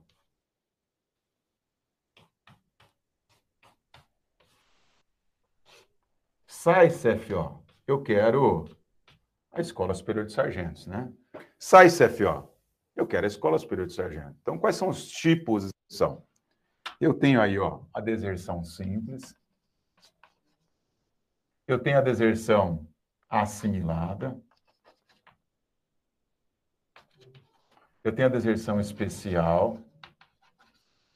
Eu tenho a, o conserto para deserção, conserto para deserção. Eu tenho a deserção por evasão ou fuga. Eu tenho favorecimento do desertor.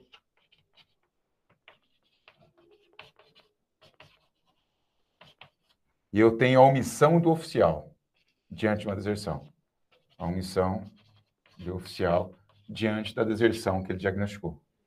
Então, eu tenho, olha lá, tenho tipos de deserção. Quais são esses tipos de deserção que eu tenho? Eu tenho a simples, que ela está lá no artigo 187. Que é que você conhece? Ausentar-se militar do local que deveria estar por mais oito dias, sem licença.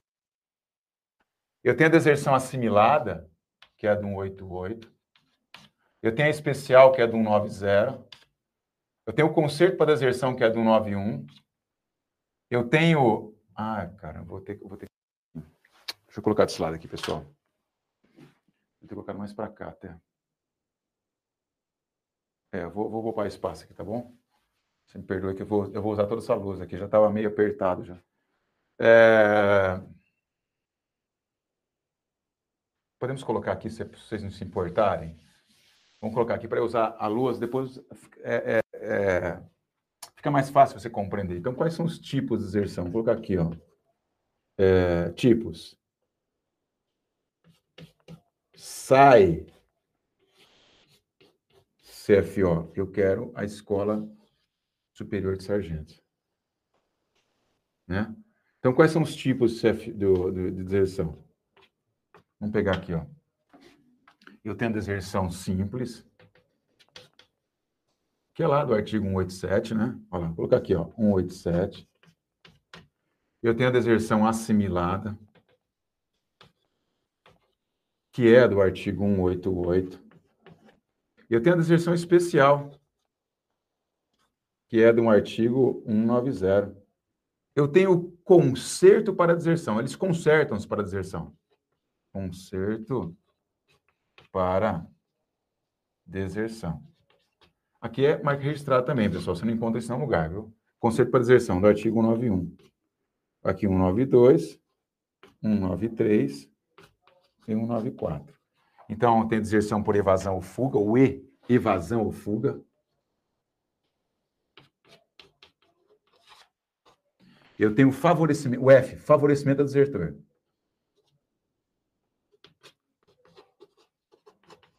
Eu tenho a omissão do oficial diante de uma deserção.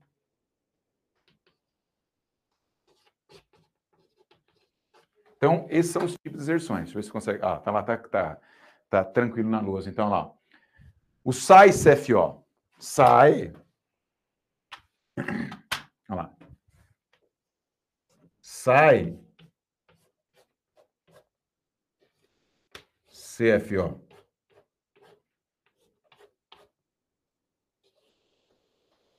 É? A deserção simples, assimilada, especial, conserto para deserção, deserção por evasão ou fuga, favorecimento ao desertor e a omissão do oficial perante a deserção. Nós vamos estudar isso daí. Na verdade, nós começamos a estudar, e a, a, a nevrálgica para nós, aquela que mais nos interessa, é essa aqui, ó, a deserção simples. É aquela que você conhece, com ah, ausentar-se por mais de oito dias, local que deveria estar, sem licença da autoridade, né? a deserção simples. E a partir dela, né, por essa daqui que nós começamos a estudar a deserção. Tá bom? É, dúvidas aí, pode postar aqui na, no chat, tá? É, vamos lá. Então, é, vamos, vamos ler e especificar o, o, o, algumas coisas de deserção. Deixa eu compartilhar a tela com você de novo, tá? Principalmente aí. Depois, quando eu for para a lousa, eu vou para a lousa bastante nesse crime aqui. Depois a gente vai, passa mas quando eu for para a lousa, é, eu vou tirar, vou tirar é, a compartilhamento para você enxergar o que eu estou vendo aqui também. Aliás, enxergar a lousa, na verdade, né? Vamos lá, deixa eu compartilhar a tela com você para você acompanhar o que eu estou falando. Então, aqui, ó, nós temos a deserção simples lá no, no artigo 188. Deserção simples. Fala lá. Ausentar-se o militar sem licença é, da autoridade competente, né, do local que deveria estar. Ele, ele ausenta. Só, só, um detalhe, antes de entrar aqui, me faz, me faz lembrar, né? Se você pegar a deserção aqui, ó, olha o capítulo que ela está inserida. Dos crimes contra o dever e o serviço militar. Então, vamos pegar, vamos colocar aqui. Então, qual o bem jurídico que o crime de deserção afeta? Então, o BJ aqui, ó, ó o bem jurídico, Está pequena para você, esse é o BJ. B jurídico é o serviço e o dever militar. Então, os bens jurídicos afetados aqui é o serviço e dever militar. Quem que é o sujeito passivo? São as instituições militares. Instituições militares. Eles são sujeito passivo, das instituições militares. Mas qual que é o bem jurídico que eu afeto quando eu pratico a deserção? eu afeto o dever, aquele dever de assiduidade, dever de comparecimento, que é imanente ao militar. É um crime contra o dever militar. O dever e o serviço que são afetados diante da deserção. Então, se você não enxergou, depois, a hora que eu compartilhar a lousa de forma completa, você vai observar isso daí. Então, são crimes contra o serviço e o dever militar. Beleza? Legal. Então, vamos lá. Vamos lá na deserção, que o resto não cai para você. Então, fala lá.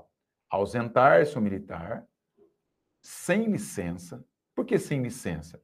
Porque se tiver licença, não haverá crime. Então, o elemento normativo do tipo aqui é o sem licença. Porque se tiver licença, não haverá crime. Ausentar-se o militar. Pessoal, quando eu falo que tem a palavra militar no meio do crime, quer dizer? Quer dizer que só militar da ativa pratica aquele crime. Só militar da ativa pratica o crime. Então, ausentar-se o militar, tá? ou seja, militar da ativa, sem licença, ou seja, se tiver licença, não tem um crime da unidade, o local que deveria comparecer, vai permanecer, né?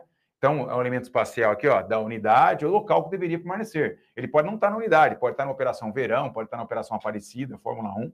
Ele se ausenta do local que deveria é, é, permanecer, ou do local que deveria estar na sua unidade, né? Por mais de oito dias. Meu, isso aqui é legal. Mais de oito dias. Quando eu falo que é mais de oito dias, quer dizer o quê? Nove dias ou mais nove dias ou mais. Mais de oito. Mais de oito, nove dias ou mais. Beleza? Detenção de seis meses, dois anos, se o oficial a pena é agravada. Não fala quanto que o juiz vai gravar essa pena do oficial. Beleza? É... Legal. Antes de nós traçarmos algumas considerações sobre a exerção, vou dizer um quadrinho na lousa. Agora eu, eu interrompo aqui o meu compartilhamento para nós virmos para a lousa para nós é, justamente analisarmos um pouquinho aí esse, esse delito de deserção, tá? Que é um delito, se quiser anotar já, é um delito propriamente militar. Ah, por que, que é um crime propriamente militar? Porque só pode ser praticado por militar e só tem presença no Código Penal Militar. Ou seja, quando eu vou fazer a tipicidade indireta desse crime que é propriamente militar, é artigo 9 inciso 1. Por que, que é artigo 9 inciso 1? Porque só, esse crime só, só existe no Código Penal Militar. Só tem presença no Código Penal Militar, tá bom? Então vamos trabalhar a deserção aqui, tem vários aspectos para nós estudarmos em relação a ela. Não só a deserção, mas as agências também, providências devem ser tomadas. Vamos tentar colocar um quadro mais sintético aqui. Vamos colocar os dias aqui, ó. Dia 9, 10, 11, 12, 13, 14, 15, 16, 17, 18, 19. Aí você pode, meu, vamos colocar os pauzinhos aqui, ó. Você nunca mais esquecer dos meus pauzinhos. Tá? Olha só.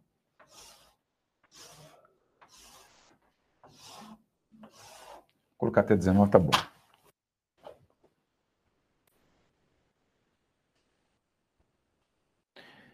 É, é, vamos estudar deserção agora na sua forma simples, tá bom? Na sua forma simples aqui. Pessoal, quando a gente estuda deserção, acabamos de que é ausentar-se militar sem licença da autoridade, da, é, da unidade do local que deveria permanecer por mais oito dias, tá? Como é que nós fazemos o cômputo? E o sargento que vai fazer isso daí, viu? É o sargento 99% a caramba dele. Por isso cai muita e de antemão, já te falo, vai ter um simulado para Nós faremos um simulado aí até o final do mês, tá? É, as questões já estão sendo enviadas para mim para eu compilar e montar um simulado. Será similar à prova, com 60 questões, para vocês fazerem online tá ok? Baixarem e fazerem é, com questões de concursos anteriores, questões muito bem elaboradas, por sistemática é, das tá? Como é que eu vou estudar a deserção? Primeira coisa, pessoal, é a deserção. Eu vou pegar o dia que esse cara entra de serviço. Ó, o que importa para mim na deserção? O dia que entrará de serviço. Pouco importante o horário. É o que importa que ele entra de serviço. Guardem isso. Pouco me importa o horário. Ele vai entrar. Deixa, deixa eu tirar até essa informação daqui para não, não para não é, confundir. Vou puxar para cima. Tá? Então, o que importa, olha lá, o importante, importante, o dia que entrará de serviço. Pouco importando o horário pouco importando o horário. Mas é o dia que ele entra de serviço, pouco importando o horário. Qual o dia que ele vai entrar de serviço? Dia 9. Pouco importando o horário, pouco importando o turno, pouco importando qualquer coisa. É o dia de serviço. Que dia que ele vai entrar de serviço? Dia 9. Tá? Legal. Pouco importa se ele vai entrar às 7 da manhã, se ele vai fazer expediente começar às 13, se ele vai começar o 24, 48 começando aqui às 19, né? Pouco importa para mim. Se ele vai fazer uma hora de delegado lá, às 23, pouco importa. Que dia que ele entra de serviço para gente? O dia que ele entra de serviço, esse é o aspecto importante. Guarde isso. Depois eu vou te dar uma regrinha no final, você fala assim, meu, por que não falou isso antes? Era muito mais fácil de eu compreender. Não, não vou te dar a cereja do bolo sem que você coma depois. Mas, olha só, então pouco importa o turno que ele faz, o horário que ele faz, o horário de entrada, pouco importa, tá? Vamos trabalhar por hipótese, por exemplo, é, vamos trabalhar por hipótese aqui, que ele entre de serviço, vamos supor que ele faça expediente. Vamos pegar um 12 por 36? Vai, vamos pegar um 12 por 36. Vamos supor que ele entra às 19 horas. Às 19 horas, tá? Ele é do bombeiro. Pouco importa aqui, hein? Ele faz 12 por 36, tá? Ele é do bombeiro, faz 12 por 36. É... Olha só. Ele entraria de serviço às 19 horas. Ele não compareceu. Ó, ele não compareceu. Até quando vai o horário dele? Até às 7 da manhã do outro dia, não é isso? Não é até às 7? Vou colocar 7 horas aqui. Ah, 7 horas aqui. Né? Se ele chegar das 7 às 7, né? Se ele chegar nesse período aqui, ó, opa. Se ele chegar nesse período de amarelo, essa parte amarela aqui, ele está o quê? Atrasado, não é isso? Ele entraria 19, ele não compareceu 19. Se ele chegar nesse período, ele está atrasado, não é isso? É, é isso mesmo. Ele está atrasado. Tá? Se ele chegar para o serviço após as 7, se ele fazer 2 por 36, se ele chega após as 7, qual a condição dele aqui? Está atrasado? Não. Aquele é faltoso, né? Faltoso. Não é isso? É isso mesmo. Então, o cara, ele entraria às 19 horas, é a data de entrada, hora de entrada, hora de entrada. Pouco importa a hora de entrada. Pouco importa o turno. Nós é importante o quê? O dia de entrada. Aqui, ó. Esse dia é importante, dia 9, tá? Só que se ele chegar entre as 19 e as 7, já que ele faz 12h36, ele estaria atrasado. Se ele chegar após as 7, ele seria já faltoso. Ele não compareceu.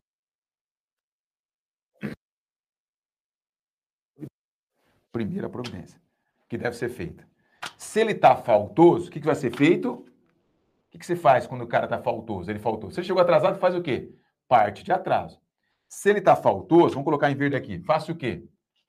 a parte de falta ao serviço.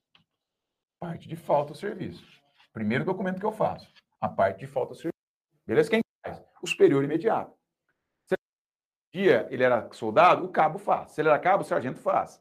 Se ele era sargento, o tenente faz. A parte de falta ao serviço. Tudo bem? Beleza. Agora presta atenção, começa a complicar a sua vida. Então ele entraria 19, porque ele faz 12,36, poderia ser expediente, poderia ser entrar, poderia estar no meio expediente na sexta-feira, por exemplo. Sei que ele entrava às 19, não compareceu até às 7 da manhã do dia seguinte. Se ele comparecesse, estava atrasado, não compareceu depois, senão estaria faltoso. Ou seja, é feito a parte de falta de serviço pelo superior imediato. Pessoal, para contagem da deserção, contagem da deserção, nós vamos a partir da zero hora do dia subsequente ao que ele começa a contar o prazo da deserção. A partir da zero hora do dia subsequente a que ele entraria de serviço. Então, contagem, vou colocar aqui, ó, contagem, tá? Ó, contagem. Contagem. Como é que eu faço a contagem? Contagem a partir a contagem, só que é o início dela, né? Vamos colocar aqui, ó. O início. Início da contagem. Quando é que inicia a contagem? A partir da zero hora do dia subsequente ao que o militar entraria de serviço. Então, guarde. Então, duas coisas importantes. Que dia que ele entra de serviço? E a partir da zero hora do dia subsequente ao dia que ele entraria de serviço, eu começo a contar o prazo para fins de ausência. O quê? Tanto de ausência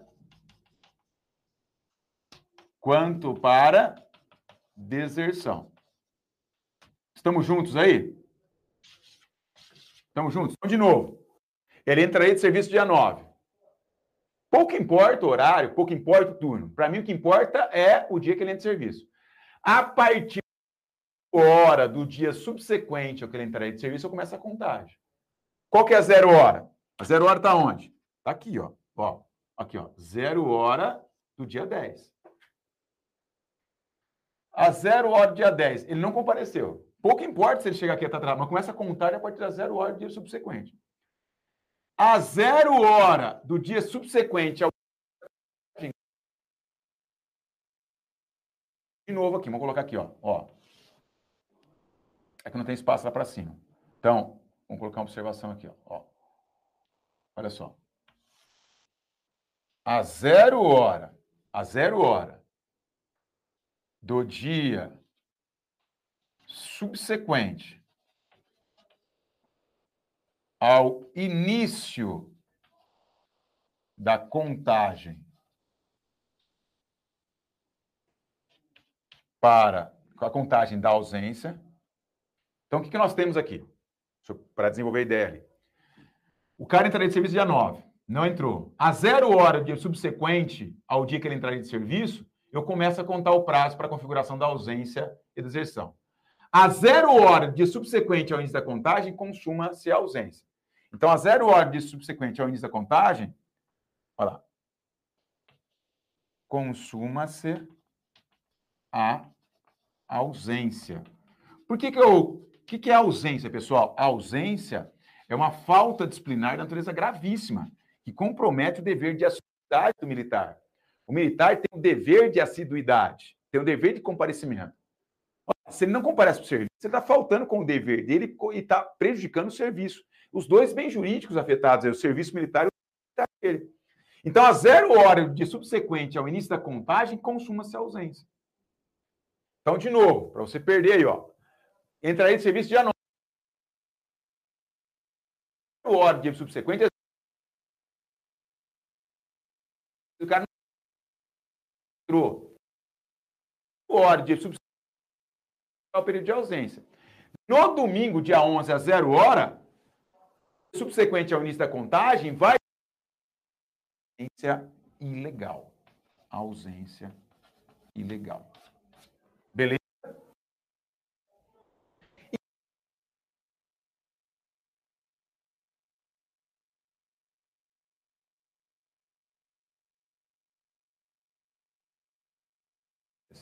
Então, nós temos aqui, ó, mais oito dias. Deixa eu colocar em azul. Vou colocar em azul aqui, ó. Não, azul não. Uma cor que eu não usei ainda. É... Laranja. Olha só. Um dia, dois dias, três, quatro, cinco, seis, sete, oito. É oito dias? Não. Mais de oito dias. Ou seja, a zero hora do dia 18, vai acontecer o quê? Consumar, consumação da deserção.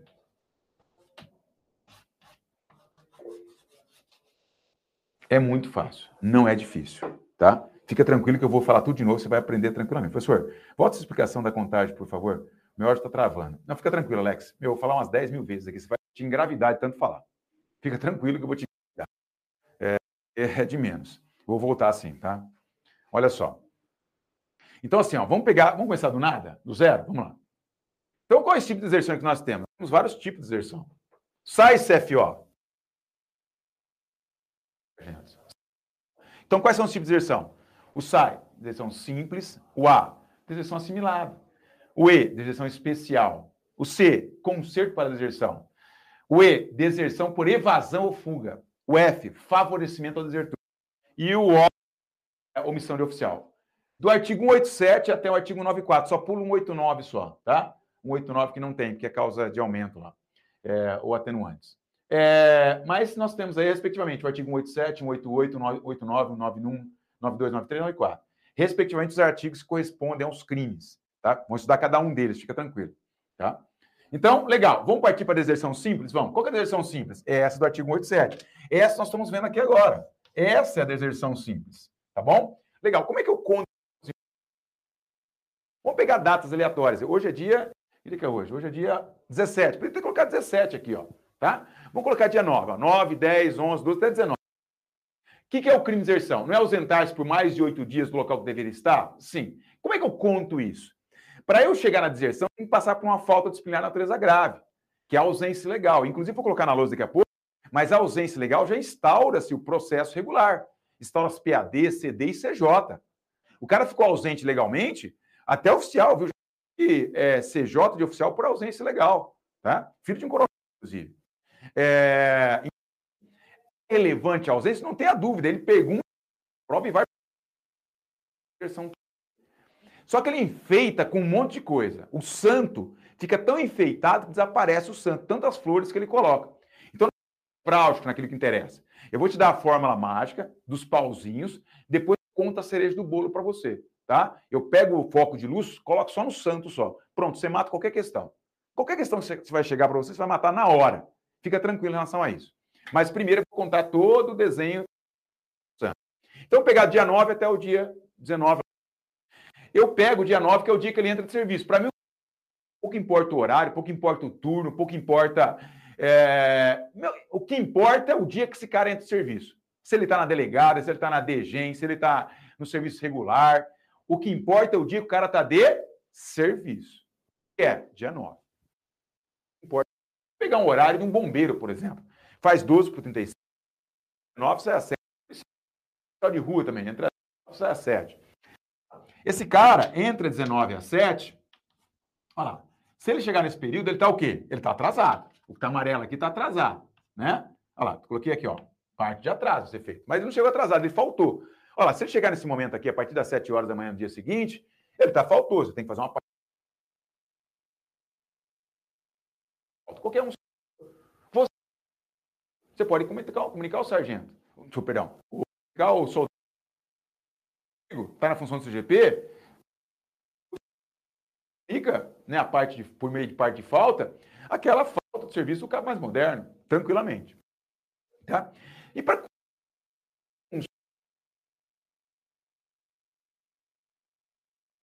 na deserção. Aí eu vou colocar aqui, ó. ó como eu já tinha colocado. O importante é o quê? O dia que entrará de serviço, pouco importando o horário e o turno que ele faz.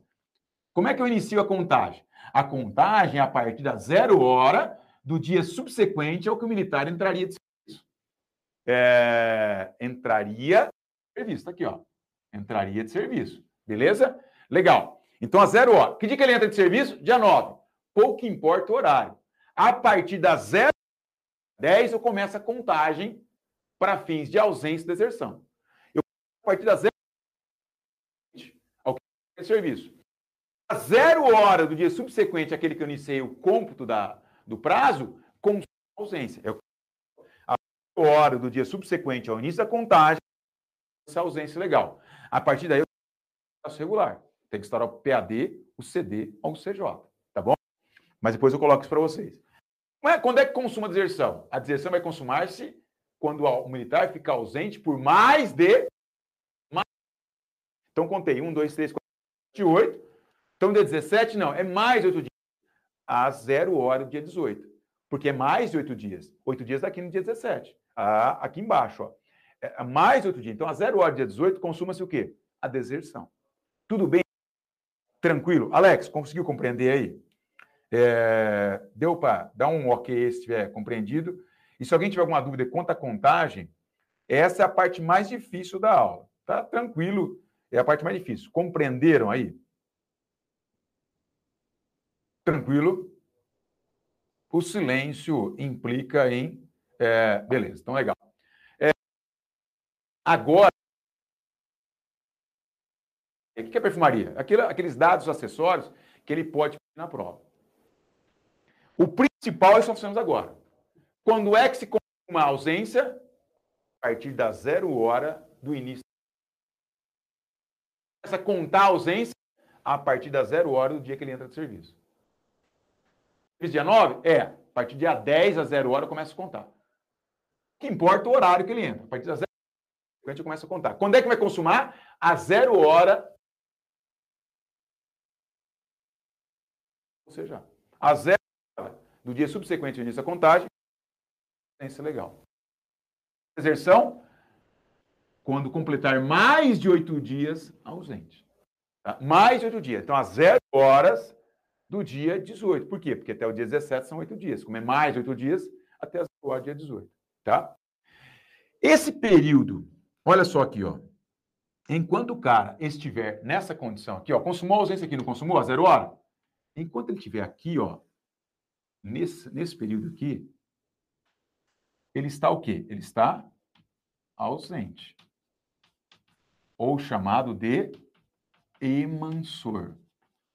Emansor. Ele é ausente ou emansor. Emansor.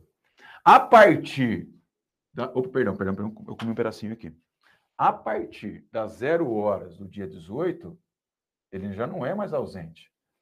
Ele não está mais ausente a partir das zero horas dia 18. Porque a partir das zero horas dia 18, ele já é desertor. Então, a partir daqui, ó, qual a condição do cara? Aqui ele é chamado de desertor ou transfuga. Transfuga. Desertor ou transfuga, tá? Esse cara aqui, ó, a partir daqui já é desertor. Até aqui ele é ausente, tá? Período que ele fica, que nós contamos aqui de oito dias, esse período aqui, ó, de oito dias, em que nesse período eu vou fazer o quê? Eu vou fazer diligências para encontrar o cara. Eu faço diligência. Obrigatório realizar uma diligência, pessoal. Obrigatório realizar diligência. Nesse período de diligências, esse período é chamado de período de graça ou prazo de graça. Olha lá. Período ou prazo de graça. Como assim, período ou prazo de graça? Deixa eu colocar uma, uma, uma um negócio mais. Período ou prazo. Também chamado de octídio. Legal. Octídio legal. Então, período de graça, prazo de graça ou octídio legal período de graça, prazo de graça, octídio, legal. São oito dias que, se o cara aparecer, ele não consuma deserção. Ele está sob falta disciplinar natureza grave. Se ele aparecer nesses oito dias, vou tentar localizar, vou tentar diligenciar para localizar. Nesse período, eu faço diligência. Nesse período, existe um chamado, é chamado período de graça ou prazo de graça, porque se eu for localizado antes de completar mais de oito dias, ele só comete transgressão disciplinar natureza grave e não crime de deserção. Beleza? Então, vamos recapitular outra coisa ainda. Então, o cara faltou, ele não compareceu, faça parte de falta de serviço. Quem que faz essa parte? O superior imediato, tá? O superior imediato faz a parte, tá? Qualquer um, pode ser você como cabo. Uma vez que aconteceu a consumação da ausência zero hora é, subsequente ao início da contagem, aconteceu a, a ausência legal, eu tenho que fazer uma parte Ó, parte de ausência ilegal. Quem que faz essa parte de ausência legal? É o cara na função de capitão. É o comandante CIA. Comandante de CIA. O cara que é chefe de seção. O cara faltou. Parte de falta. Ele... que ele consuma? a zero hora do dia subsequente ao início da contagem. Ele ainda estava ausente? Estava. Então é feita a parte de ausência ilegal. Quem faz isso? O comandante de CIA. A partir da ausência legal consumada no dia 11, aqui, no nosso caso, dia 11, né? Olha só, aqui no dia 11, também é feito um outro procedimento, o procedimento de inventário. Eu tenho que inventariar os bens deixados por ele na unidade essa parte de de serviço, parte de auxiliário, por quem? Pelo comandante de CIA também. Tá.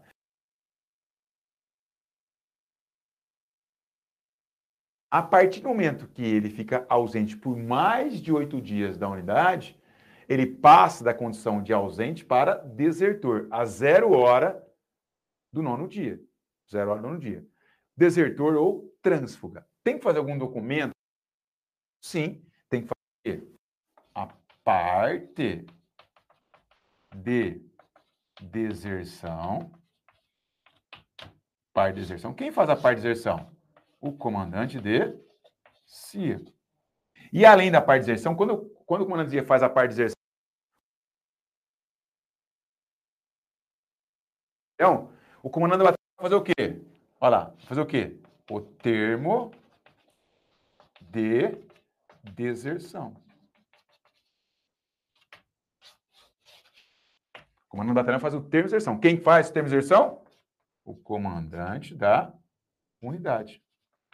Comandante da unidade. Beleza? Vamos recapitular? Eu sei que é bastante informação, tá? Fiquem tranquilos que eu tenho ciência disso, tá? Então vamos lá. Vou começar a recapitular tudo aqui. É, eu acho que todos os dados que eu tinha que lançar para você, eu lancei. Lancei sim.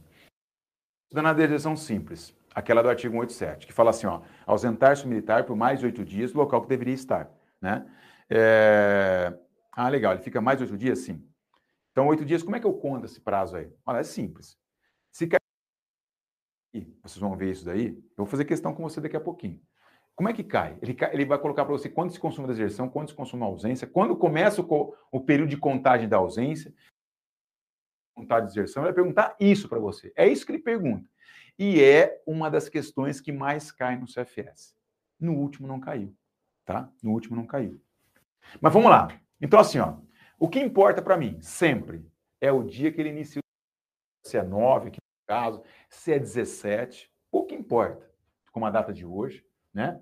O que importa é o dia que esse cara inicia. Pouco importa que turno que ele faz, quanto que ele vai folgar, se é 236, 24, 48, 24, 72, pouco importa. Que dia que esse cara entra de serviço? Dia 9? Dia 9. Então, beleza. É isso que eu quero saber. Tá?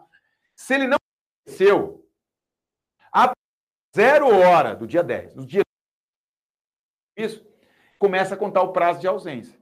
Começa a contar o prazo. O que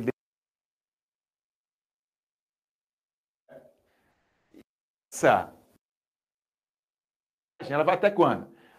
Zero hora do dia subsequente ao início da contagem. Quando consuma-se o que? A ausência legal. Zero hora do dia que é contado. A zero hora, o dia subsequente ao início da contagem, ele vai a zero do dia do dia, ou de mais de oito dias. Então tem um dia aqui, dois, três, quatro, cinco, seis, 9 vai dar no dia 18. A 0 hora, dia 18, o crime fala em mais. Para configurar a deserção, presta atenção agora. Ele nunca perguntou isso, mas pode perguntar. Já perguntou no CH, no CFS nunca perguntou. Quando é que se consuma a deserção? Ah, o senhor acabou de falar. A deserção consuma-se quando ele ficar ausente por mais de oito dias. Não, negativo. Imagina que é um cara que trabalha na sua unidade que a falta dele ninguém percebe. Tão importante que é o cara, ninguém percebeu que ele faltou, que ele está ausente. Se você não lavrar o termo de deserção no tempo certo, ou seja, no nono dia, zero horas, se você não lavar, não tem deserção. Não tem a consumação de deserção. Vai continuar ainda a falta disciplinar natureza grave. Então, o termo de deserção é o termo que deflagra a instrução provisória e que faz consumar o crime de deserção. O crime de deserção, ele consuma-se quando o cara fica ausente por mais de oito dias e é lavrado o termo de deserção por conta disso. Porque se não for lavrado, não tem deserção. Pasmem os senhores e as senhoras, tá? Eu tenho a falta disciplinar natureza grave. E eu tenho um crime para aquele que não lavrou também. O artigo 324 do Código Penal Militar. Então, se o cara não lavrar o termo de deserção, o sargento, o tenente, o comandante de batalhão, né? Que vai vir descendo em cascata. Na verdade, quem responde por esse crime é o comandante de batalhão e o oficial JD. Mas o sargento é pego por reflexo, né? principalmente no interior. Ó, se não lavrar, crime do artigo 324 do Código Penal Militar. Então, quando é que se consuma o crime de deserção? Quando ele se ausenta por mais oito dias e é lavrado o termo de deserção. Tudo bem? Legal. Maravilha. É... Esse período do primeiro dia, oitavo, porque no nono vai consumar a deserção. É chamado de período de graça, ou prazo de graça, ou octídio legal. Esse período, se ele aparecer, se o cara se apresentar nesse período de oito dias, é só transgressão disciplinar. Não tem crime, porque o crime vai consumar a partir do nono dia. Tá? Da zero hora nono dia. Beleza? Onde a ausência aqui no dia 11, quando ele é ausente, ele é chamado de emansor. A partir do momento que ele trânsfuga, ele cometeu o crime já. Agora, olha o macete para você matar essa questão. Olha o macete que eu vou te dar. Quando é que se, quando é que se consuma a ausência e quando é que se consuma a deserção? Essa é a pergunta-chave. Quando é que se consuma a ausência? Quando é que se consuma a deserção? E é isso que ele vai te pedir na prova, tá? Bom, o início da contagem da ausência é do dia subsequente ao que ele deveria estar em serviço. Então, quando é que começa a contar a ausência e deserção? A zero hora do dia subsequente ao início. Ele não entra dia 9, dia 10. Despreza o dia 9 e a zero hora dia 10 começa a contagem no período de ausência e deserção. Tudo bem? Agora, quando é que se consuma ausência? Quando é que se consuma a deserção? Macete. Macete. Macete bizu, aquele Erga Blaster Mega Plus ELX, né? É 4x4 turbinado. Quando é que se consuma ausência? Quando é que se consuma a deserção? Pouco importa. Ele vai dar na prova para você que dia que esse cara entra de serviço. Pega o dia de serviço, joga fora, conta dois, consumação da ausência. Quando é que se consuma a deserção? Pega o dia que ele inicia serviço, joga fora, contra nove, vai consumar a deserção. Então, quando que se consuma a ausência? Ele entra de serviço quando? Dia 9. Joga fora dia 9. Conta 2. 10 e 11. Aqui, ó. Ausência com tá vendo? Pega o dia de serviço. Quando, quando que é? 9. Joga fora, conta 9.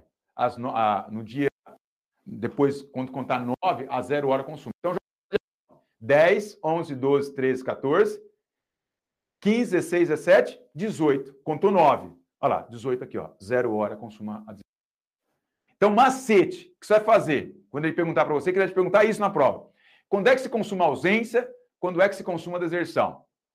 A ausência vai pegar o dia que ele entra de serviço, joga fora, conta 2. A deserção, você vai pegar o dia que ele entra de serviço, joga fora, conta 9. Acabou. Tem o dia já. Você não precisa fazer essa, essa continha que eu fiz aqui inteirinha. Mas, professor, por que me ensinou isso antes? Como é que... Para entender a contextualização do pegar o dia que entra de serviço, jogar fora e conta 2, de pegar o dia que entra de serviço, jogar fora e conta 9. Tá? Vamos pegar hoje, por exemplo? Imagina que o cara entrar de serviço hoje, é 17. Quando é que se consuma a ausência dele? Simples. Consumação da ausência, joga fora 17 conta 2. Então, 17. 18, 19 é 0 hora. Acabou. Ah, está consumada a ausência dele, se ele entrar de serviço hoje. Quando é que se consuma a deserção desse cara?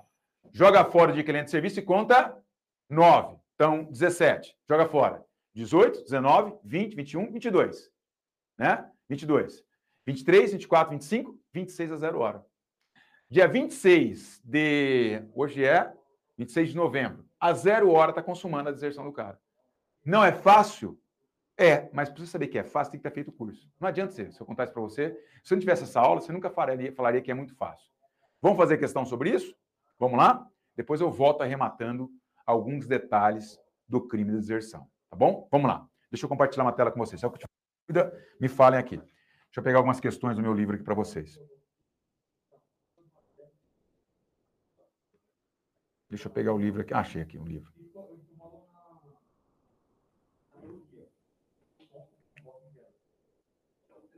Vamos fazer só, vamos fazer, para nós fazermos de forma rápida, vamos, é, vamos pegar pontualmente aqui, tá? As alternativas corretas. Deixa eu compartilhar com vocês.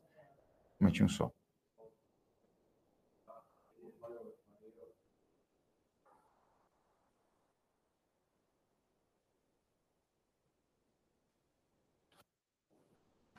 Um momentinho só, pessoal. Ver um negócio aqui, para não prejudicar um detalhe lá na frente. Só um momento, só um momento só, tá? Só um momento que eu vou fazer uma verificação aqui. Aqui eu trouxe, deixa eu ver aqui, GTP. Só um momento só. É, tá, simulados. Deixa eu ver aqui. CFS, um minutinho só. Belo. Tá, belo. Hum. Beleza. Beleza. Vamos lá. Então, assim, ó. Está compartilhado aí. Ocorrerá o crime de deserção nos termos do artigo 87 do Código Penal quando o militar, o militar ausentar-se sem licença da unidade que serve ou do lugar em lugar, né? ou do lugar em que deva permanecer, deve permanecer por mais de oito dias. Tá certinho aí. É aquilo que a gente havia falado, tá? Próxima questão. Aquilo, dentro daquilo que a gente havia falado, ó. CAS, prova 2017. O Estado ciclano, da segunda sigla 25M, faltou ao serviço em 5 de fevereiro. Quando é que ele deveria entrar em serviço? Dia 5 de fevereiro. Percebe? É isso. Pouco importa se ele é peixe do comandante CIA, se ele folga. Pouco, em dia, pouco importa. E depois disso, não mais foi encontrado, apesar das diligências realizadas com o intuito de localizá-lo. Considerando só a Ciclano trabalho 1236, olha lá, é só perfumarias aí. E no dia 5 de fevereiro estaria assumindo o serviço das 19, com término às 7, do dia 6. Em que hora restou consumada o crime de deserção? O que, que você faz numa situação dessa? Ele quer saber a ausência ou deserção. Vou esconder aqui, ó. Ele quer saber a ausência ou deserção. Ele quer saber a deserção. Então, joga. Se ele quiser saber essa ausência, pega o serviço, joga fora e conta dois. Quando é que se consome? Entre 6 e 7. A zero hora, dia 7, consuma a ausência. Mas ele não quer saber a ausência, ele quer saber deserção. Joga fora e conta 9. Então, 5, joga fora. 6, 7, 8, 9, 10. 11, 12, 13, 0 horas com deserção. Resposta correta, alternativa, está aqui, ó. Alternativa Tiago. Dia 14 de fevereiro, às 0 hora. Fácil, fácil que morder água. Não precisa nem ficar trabalhando com meu pauzinho aqui, tá? Não precisa trabalhar com meu pauzinho. Tem cara que coloca bolinha, né? Eu prefiro colocar meu pauzinho na bolinha dos, da, dos caras que trabalham com bolinha. Mas está aí, ó. Está bem, bem delineado. Vamos fazer outra? Só para você testar essa mesma terminologia, essa, essa mesma é. Vamos pegar aqui. Ó. Aqui são, são, são são detalhes ainda que nós não falamos, tá bom? Deixa eu pegar mais um aqui ainda. É... Peraí, deixa eu pegar uma nessa linha aí do CFS. Então, ó, vou pegar aqui, ó.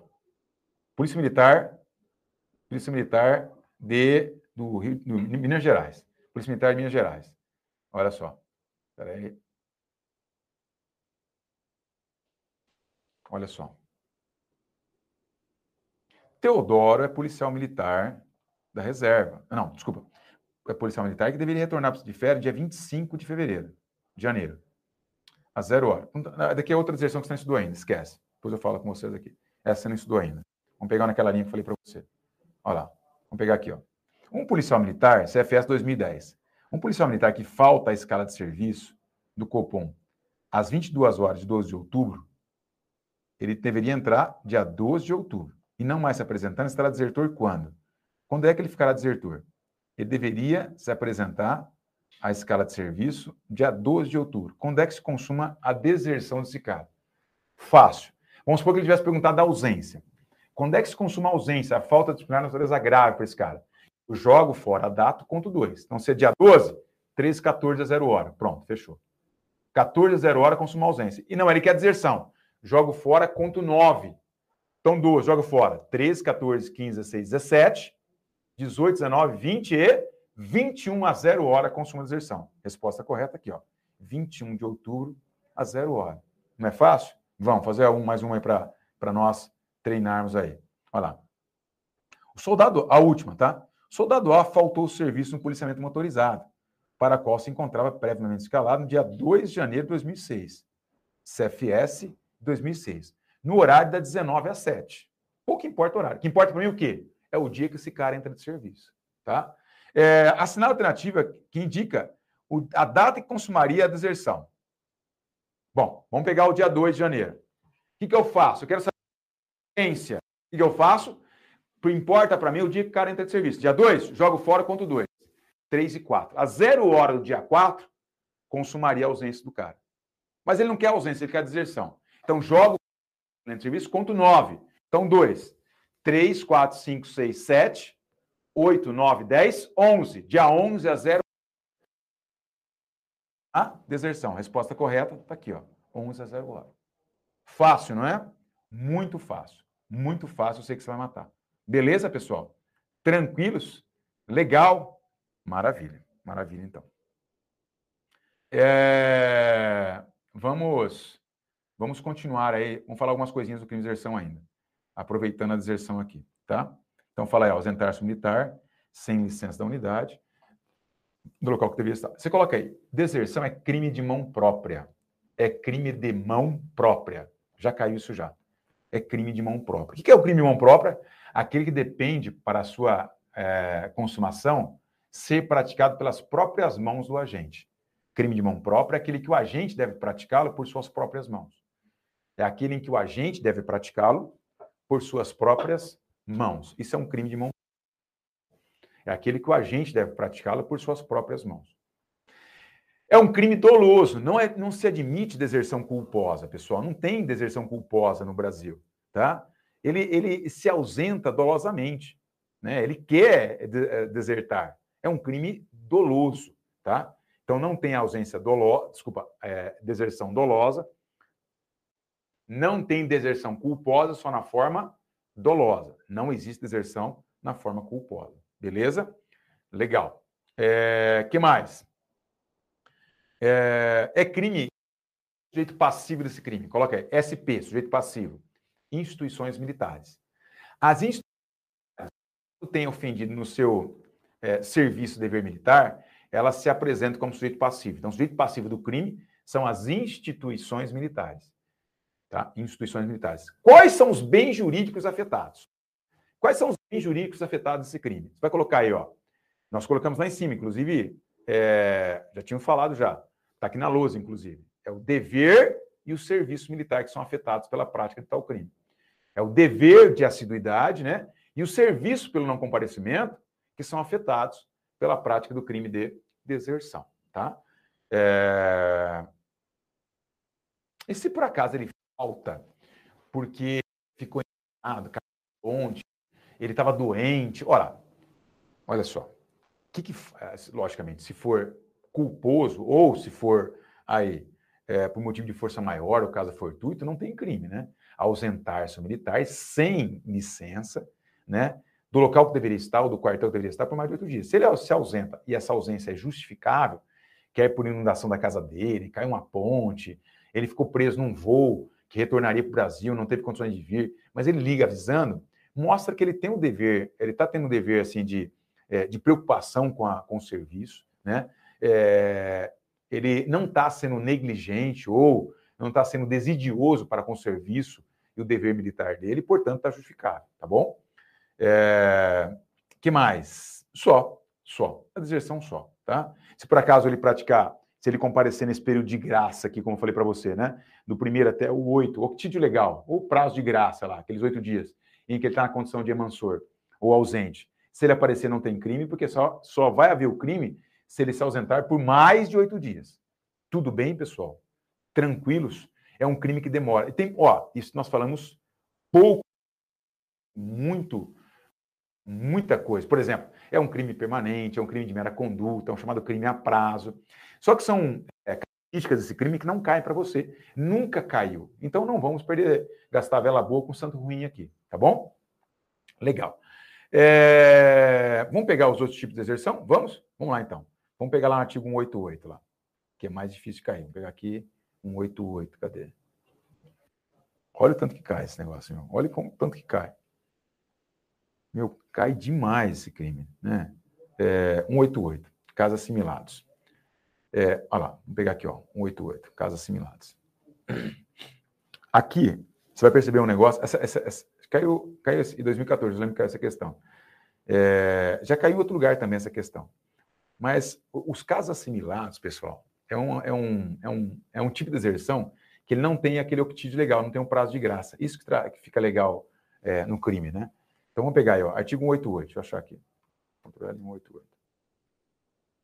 Então, na mesma pena, incorre o militar que ó, não se apresenta no local determinado, designado, dentro de oito dias, fim do prazo de trânsito de férias. É, desculpa, esse caso assimilado é outra coisa. É a deserção especial. Então, ele tem. Ele, ele, ele, findou o período de trânsito dele, findou o período de férias. Ele tem que se apresentar? Tem. Se ele não se apresentou no prazo de oito dias, configura o crime de deserção também. Então, o trânsito. Trânsito é aquele, aquela situação né? Se não modificou a legislação? Se o cara vai, ele vai mudar de, de, de batalhão, de local de, de, um dia de sogra na jaula, né? encontrar um, um, um estudo de zootecnia para ela, né? um veterinário legal. Então, assim, é, mudar as coisas dele, matricular o filho em escola. Então, até 150 quilômetros, três dias. Acima de 150, é, são oito dias. É, salvo engano salvo engano, é isso daí. Cinco dias, aliás. Cinco dias. Três dias até 150, cinco dias até, até acima de 150. Então, se ele está no período de trânsito, ou nas férias, terminou as férias, não se apresenta. Terminou o período de trânsito, ele não se apresenta. Se ele não se apresentar no prazo de oito dias, consuma-se essa deserção a, a, a especial, aí, o assimilado. Dois, inciso dois aqui, ó. Deixe-se apresentar a autoridade competente dentro de oito dias, quando termina é caçada a licença dele. Exemplo, suspenda a licença porque está tendo uma crise institucional, uma crise é, no estado de São Paulo, é, ou quando ele é agregado. Ele está agregado na condição para disputar uma eleição, por exemplo, né? Aconteceu isso já, peguei um caso desse. É, o, a, a, o TRT, TRT não, desculpa, o TRE não autorizou a candidatura dele, ele estava agregado, ele estava afastado, foi, a ADP ligou para ele e falou, meu, não foi autorizada a sua candidatura, você tem que voltar para trabalhar amanhã. Só que ele estava lá em Pernambuco.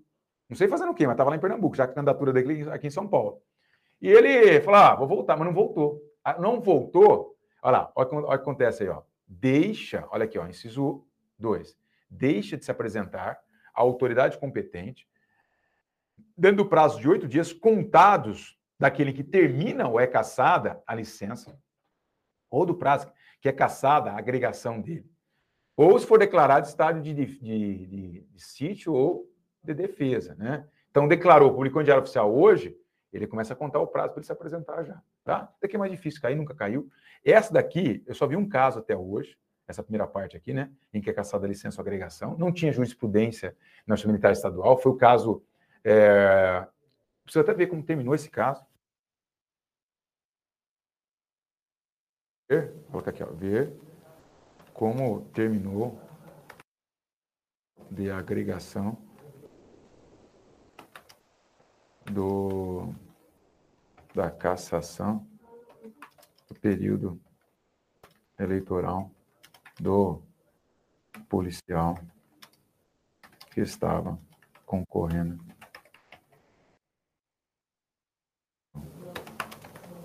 Era um caso, era, assim, era, seria um caso ímpar, um, link tinha até então.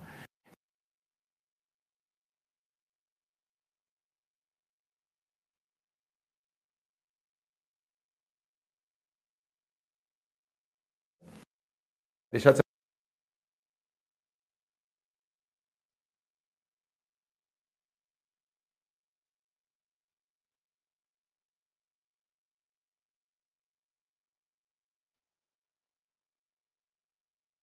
tendo cumprido a pena, deixa de ser apresentado no prazo de oito dias. Então, ah, mas existe isso? Existe.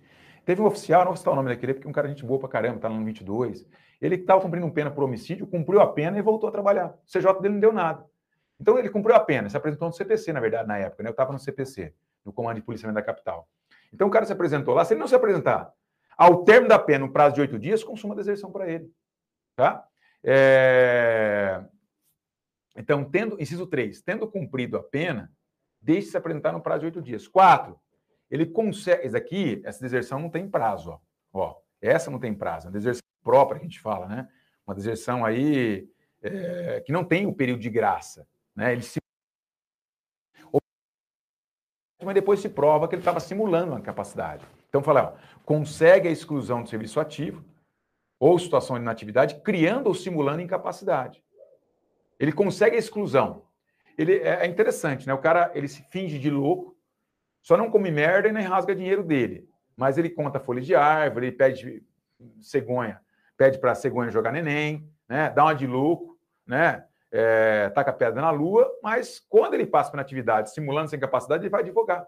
Vai tocar a empresa de segurança dele, tocar a empresa de transporte, fazer segurança em, em porta de padaria, o cara está bem. O cara cura. Quando ele passa para atividade, o cara cura. Então, quando ele se demonstra que ela, houve essa simulação, essa, é, essa, essa, essa, esse engendramento de simulação de incapacidade, está consumada a deserção para ele por simulação de capacidade. É chamada deserção imprópria. Por que imprópria? Porque não tem prazo não tem o optídio legal, como você está acostumado aí. Não só ela, tem outra também que você vai ver comigo lá na frente, tá? Então, pode colocar aí, ó, deserção imprópria não tem o optídio legal, não tem o prazo de graça, o chamado período de graça. Quando ele consegue a exclusão do serviço ativo ou situação de inatividade, criando ou simulando incapacidade, beleza? Vamos ver, vou fazer uma questão que caiu sobre isso. Ó. O policial que cria ou simula incapacidade conseguindo a exclusão do serviço ativo, Não comete qualquer crime? Comete sim, comete crime de deserção é, em casos assimilados, pela criação de incapacidade, chamada deserção imprópria, tá? Poderá cometer crime militar de abandono de função? Não, não é abandono de função, porque tem previsão específica na norma penal sobre isso. Lá o artigo 188, inciso 4 aqui, ó, 188, inciso 4, são os casos assimilados, ou a deserção por incapacidade, chamada deserção imprópria. Não comete qualquer crime militar, devendo apenas ser responsabilizado na esfera civil? Negativo. Resposta correta é a delta. Pratica a conduta tipificada como crime militar de deserção, sendo esse considerado como um caso assimilado. Beleza, pessoal? Nunca havia caído essa questão. Nunca, tá? É, conseguimos trazer a, a, questão mais nova e mais novidadeira, tá bom? Pode ser cair de novo? Pode. Pode ser cair. Por que caiu, então? Por conta justamente desse caso. Apareceu e o cara que examinou ele ficou sabendo desse caso aqui, veio aqui e colocou. Isso aqui é caso prático, né? Tudo caso prático. Veio aqui e coloca, falou, meu, vamos colocar esse caso aí na, na, na questão. Beleza? O 89 que eu falei para você, que nós não colocamos na lousa, né? É... São aquelas atenuantes especiais aí, ou agravantes especiais, né? É, nunca cai, pessoal, nem vou comentar com vocês, porque nunca cai aí. Poderia até passar aí bem rápido, né? Só para traçar uma, é, uma, uma, uma, como se diz aí? É... que tinha colocado já. Ah, não, já estava aqui já. É, poderia até, até passar, mas meu, não cai, nunca caiu, viu? Se cair, é azar. Depois você dá uma lida, tá bom? Dá uma lida aí. Artigo 90. Artigo 90, para a gente acabar pelo menos a deserção é, antes do fim da aula e ficar só uma rebarbinha para a próxima aula, né? Como embriaguez, dormir em serviço, abandono de posto, é, descumprimento de missão, e, e entrar na parte processual penal militar, tá bom? E depois é, fazermos algumas questões e também pegar aquela parte que nós não falamos no início, que foi modificação digital. Nós vamos tratar dessa parte também, tá bom? E tem uma aula ainda para a gente marcar, para a gente ministrar aí, que está que tá pendente para nós. Então vamos lá. É... Artigo 190. Vou colocar aqui, ó. Artigo 190. Opa. Artigo 190. Opa. Artigo 190. Deixa eu parar aqui, tá? Conceito para deserção. Então, artigo 190. O que nós temos aqui? Deixar o militar de se apresentar no momento da partida do navio aeronave, da qual é tripulante, ou deslocamento de unidade de força em que serve. É, você vê que aqui também nós não temos aquele octídio legal, aquele prazo de graça. Não temos aquele período de graça de oito dias. Ele deixa de se apresentar é, para o navio ou para a aeronave, no momento da partida desse navio aeronave, né? É, ele deixa se apresentar e sendo tripulante desse navio aeronave. Então, assim, tem período de graça? Não. Então, quando ele fala assim, ó, deixar o militar, no momento da partida do navio aeronave, da qual tripulante, deixar de se apresentar. Pessoal, tem período de graça? Não, não tem. É uma deserção especial? Também é uma deserção especial. Consuma-se quando? Quando parte o navio aeronave sem que leve esse tripulante. Porque ele é peça fundamental na tripulação. A, a tripulação vai ficar é, manca, vai ficar é, defeituosa, deficiente com a ausência dele. Ah, mas ele estava com uma diarreia intestinal, uma diarreia intestinal, uma diarreia tremenda, fortíssima. Não, aí é motivo de caso fortuito força maior. Ou o cara teve um, um mal súbito, ou é, se envolveu no acidente de trânsito, por isso conseguiu chegar. Não, aí é motivo de força maior. Percebe? É, aos olhos, num, assim, num olhar bem reto, justificável, tá? Mas o que não justifica é o seguinte: é esse deixar de comparecer, de apresentar-se, é, deixar de se apresentar, deixar de comparecer, é, sem motivo qualquer, tá? É, e outra parte também, assim, não vamos colocar, mas pô, só navio aeronave, só navio aeronave. Ah, se ele deixa de comparecer, por exemplo, um Centurion. O do choque, aquela, aquele, aquela, aquela máquina de combate a controle de distúrbios civis, ou de emprego em controle de distúrbios civis, é... olha ele não é navio nem aeronave. Então, deixou de integrar, integrar não é deserção, tá? Poderia haver aí uma da qual é tripulante navio e aeronave, só esses dois, tá bom? É lógico que a gente tem que ter, haver aí também um juiz de, de proporcionalidade e de razoabilidade. Exemplo, ah, o Águia vai fazer um sobrevoo determinada área para reconhecimento. Meu, é assim, era imprescindível a presença dele. Então, tudo isso vai ter que ser cotejado, levado em consideração para desqualificar esse crime para transgressão ou é, é, é, amoldar-se essa conduta que ele praticou é, ao tipo penal. Tá bom? Outra parte, o deslocamento.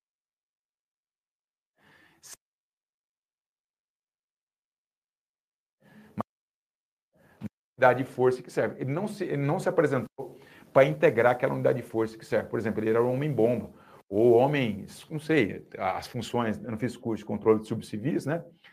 Fiz oito cursos na minha, na minha vida de instituição policial militar, mas o controle, controle de subcivis não fiz.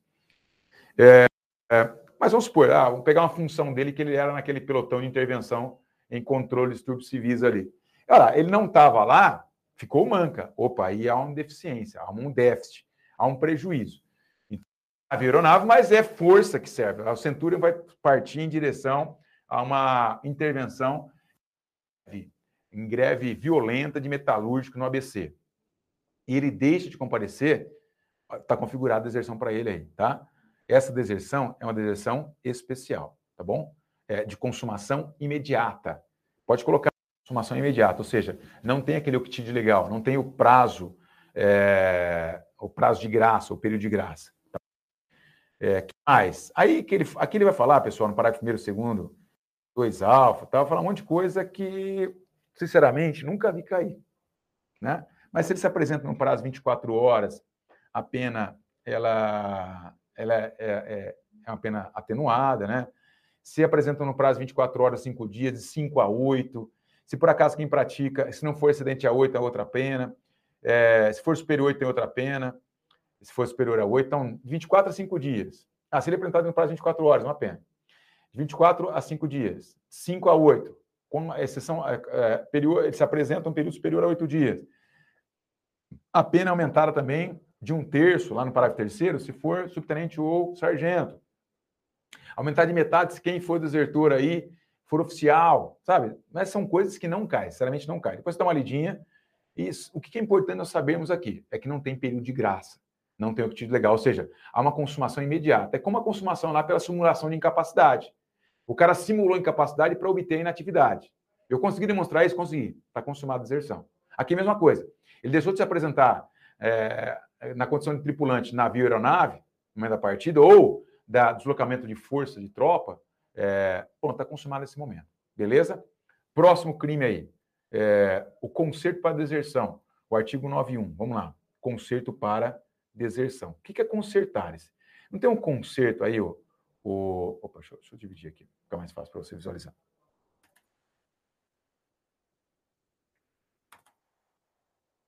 Não tem um crime lá de consertar esses militares para a prática de motim? Não tem isso?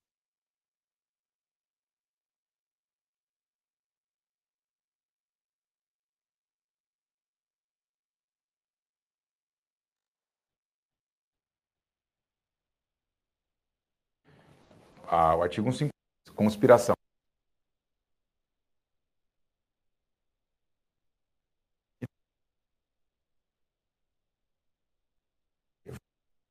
crime lá do 152.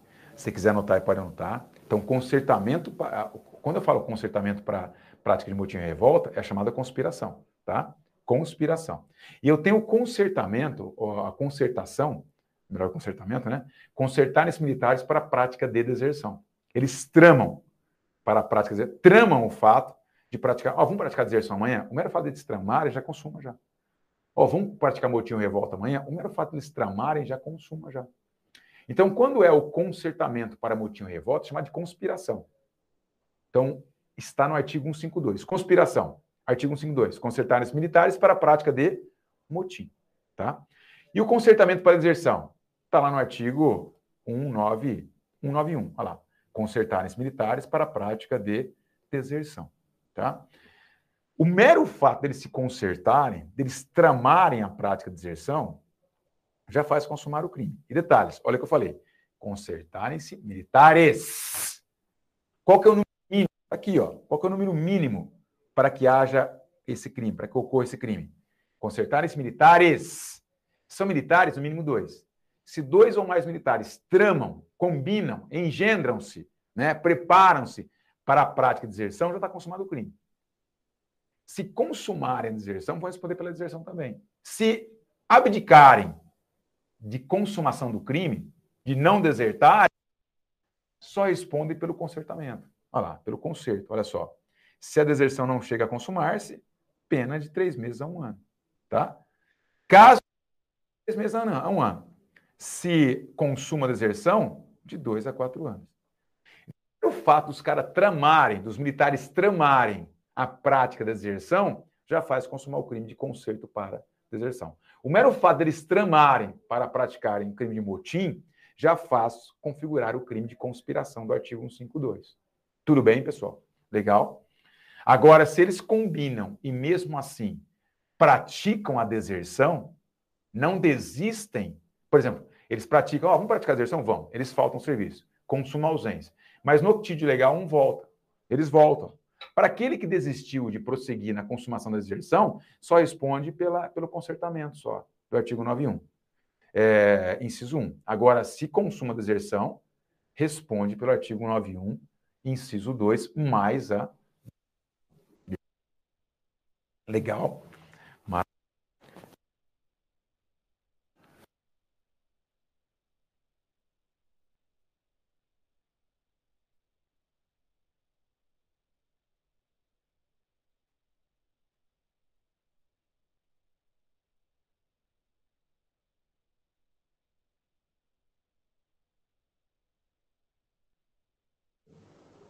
O cara está cumprindo pena. O cara está em regime de estava em Só quem que é o militar? O militar está cumprindo pena, ele foge rumo a um Gomes. Cumprindo transgressão disciplinar, ele foge do quartel. O militar está sendo escoltado e ele foge da escolta. E fica por mais de oito dias foragido, consuma um outro crime, o deserção por evasão ou fuga. Você pode perceber no Romão Gomes, aconteceu isso recentemente, recentemente não, né? A questão de alguns anos atrás. O polícia queria ver o pai e a mãe. Queria ver, queria dar, tava com receio que a mulher, a mulher estava traindo ele. Olha só como é que era.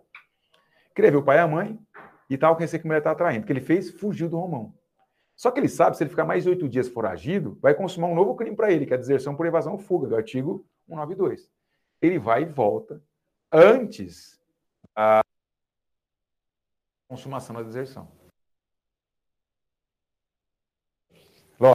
O fato dele se invadir, o, o militar que ele está na condição de interno, ele está submetido ali à lei de execução penal. Ele está submetido ao regimento interno Romão Gomes. Existe um regimento interno, existe um processo administrativo interno para que eles são presos, Romão Gomes, né? É, ele está submetido a esse caso aí.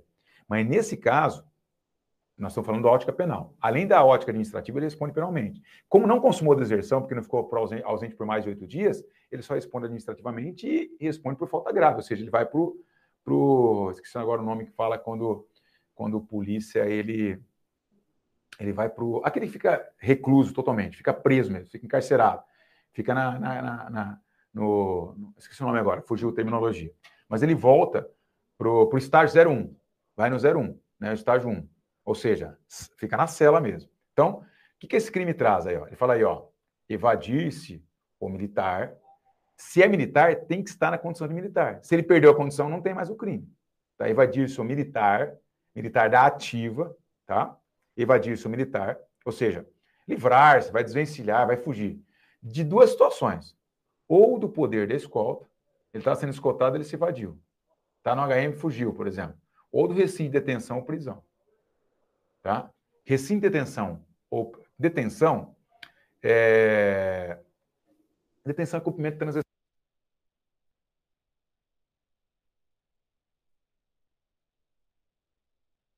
Verdade? Ah, do exército. Se ele fugir nesse crime,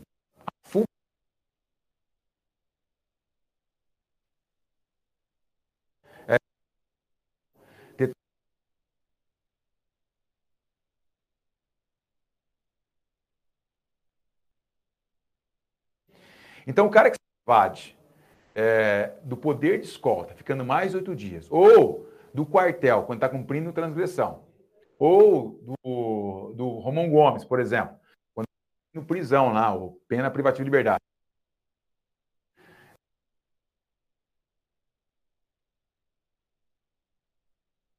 Fugir, olha que interessante, olha, eu peguei um caso concreto também. Fugir Ele travou aqui. Fugiu.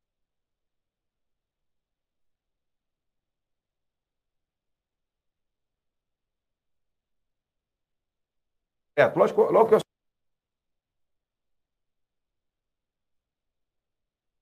É, o nono batalhão. Fica ali do lado do nono DP da, da capital, na Camarés, onde que era o SBT antigamente, né? Então, logo que eu, que eu fui promovido, eu fui assumir essa companhia. Hoje é do 5 Batalhão essa companhia.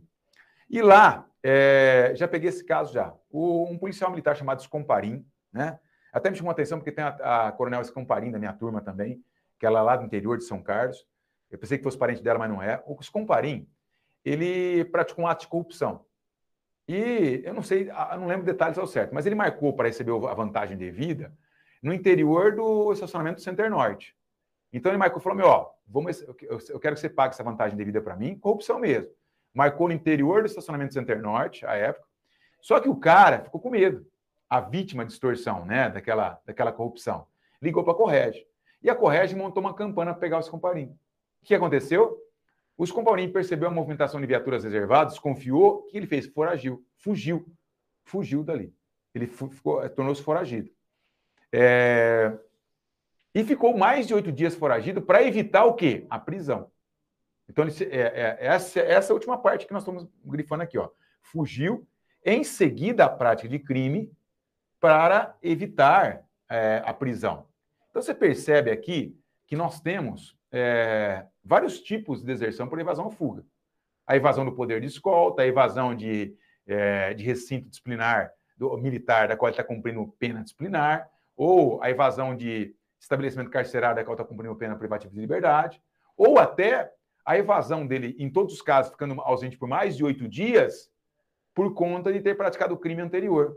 Tá? Então, ele tem que ter praticado um crime anterior para praticar esse posterior, por evasão ou fuga. Ou seja, esse crime de evasão ou fuga, em que ele foge para evitar a prisão de um crime que ele praticou anteriormente, é um crime acessório.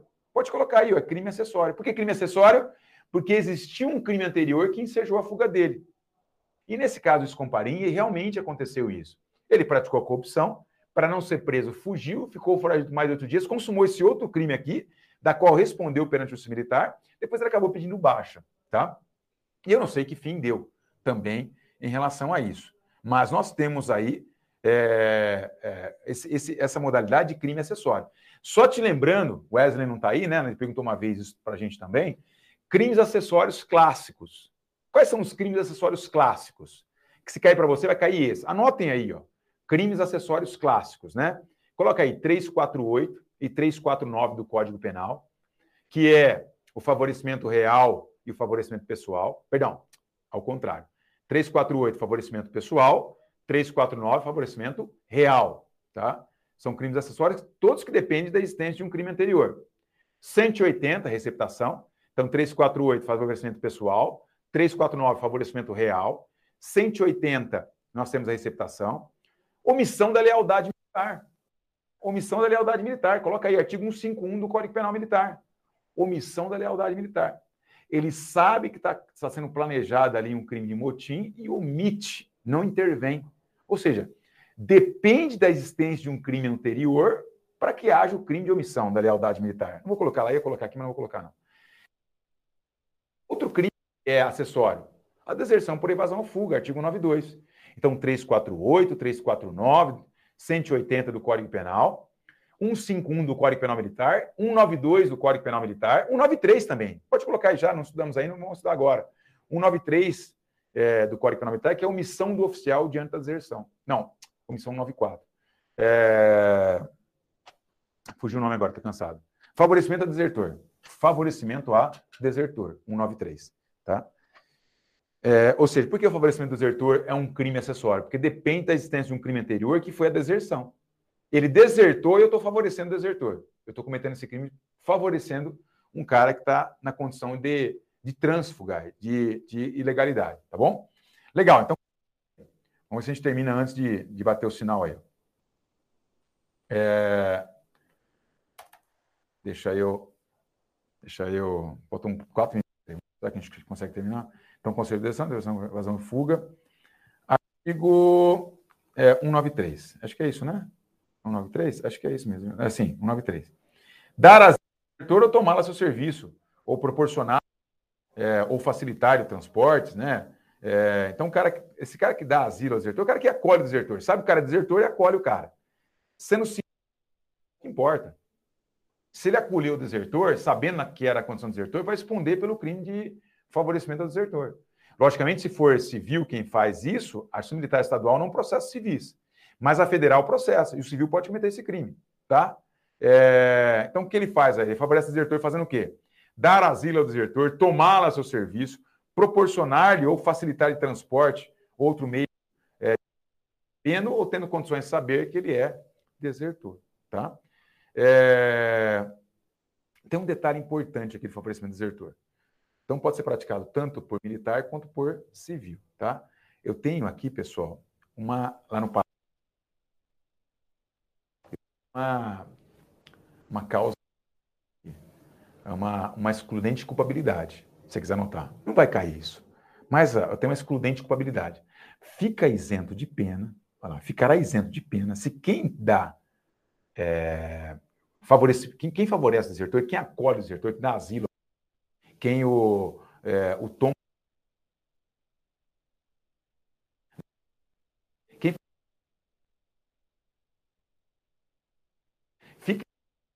se for o CAD. Se quem está ajudando é o cônjuge, o CAD, ó, cônjuge, A, ascendente, D, descendente ou irmão do. É a mesma coisa lá do favorecimento pessoal, do artigo 348 do Código Penal. Se quem ajuda aquele que cometeu um crime é o CAD, se quem ajuda o desertor é o CAD, o cônjuge, ascendente, descendente ou irmão, fique isento de pena. Lembra que até quando eu passei por essa questão, eu coloquei lá a questão do tio auxiliar aquele que praticou o crime anterior. O tio não está isento. A mesma coisa o tio auxiliar o desertor. Ele não está isento da prática desse crime também. Beleza? É, somente o CAD, o cônjuge, ascendente, descendente ou irmão. E para nós fecharmos aí, né? Para irmos com, com, é, com chave de ouro para casa e voltar na próxima aula falando de. Deixa eu ver que não falando na próxima aula aqui, que é sexta-feira. Falando aí de é, é, dormir. É, zacata militar. Podem cair também. Vamos falar.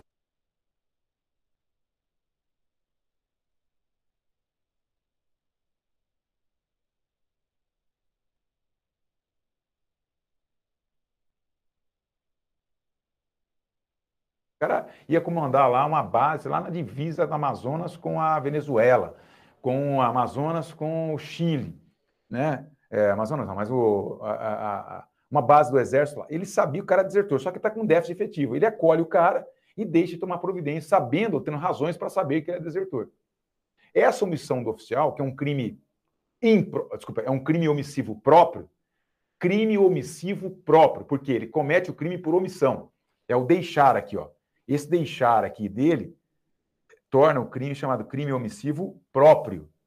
Além de ser um crime próprio também, que só o oficial pratica. É um crime omissivo próprio e um crime próprio, porque só o oficial pratica. Por que, que é omissivo próprio? Porque é uma omissão que eu tenho no verbo. Por que, que é um crime próprio? Porque exige a condição de oficial. É um crime omissivo próprio, porque tem o verbo deixar aqui, e é um crime próprio que só é cometido por oficial. Então, é, o cara, o, o militar, tendo razões para saber, ou sabendo que ele é desertor, para compor aquela força é, de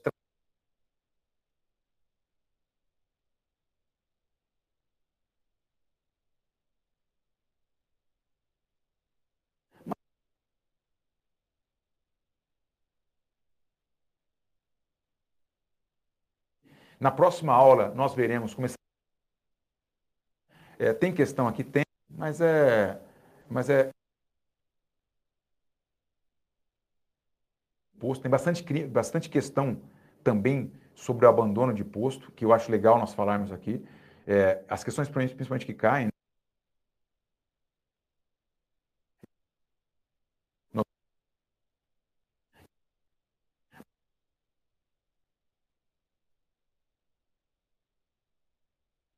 Se não tiver, obrigado pela atenção. Fiquem com Deus. Um ótimo serviço, uma ótima semana para vocês. E a minha mais respeitosa continência, cada um dos senhores e senhoras aí. Boa sorte, pessoal.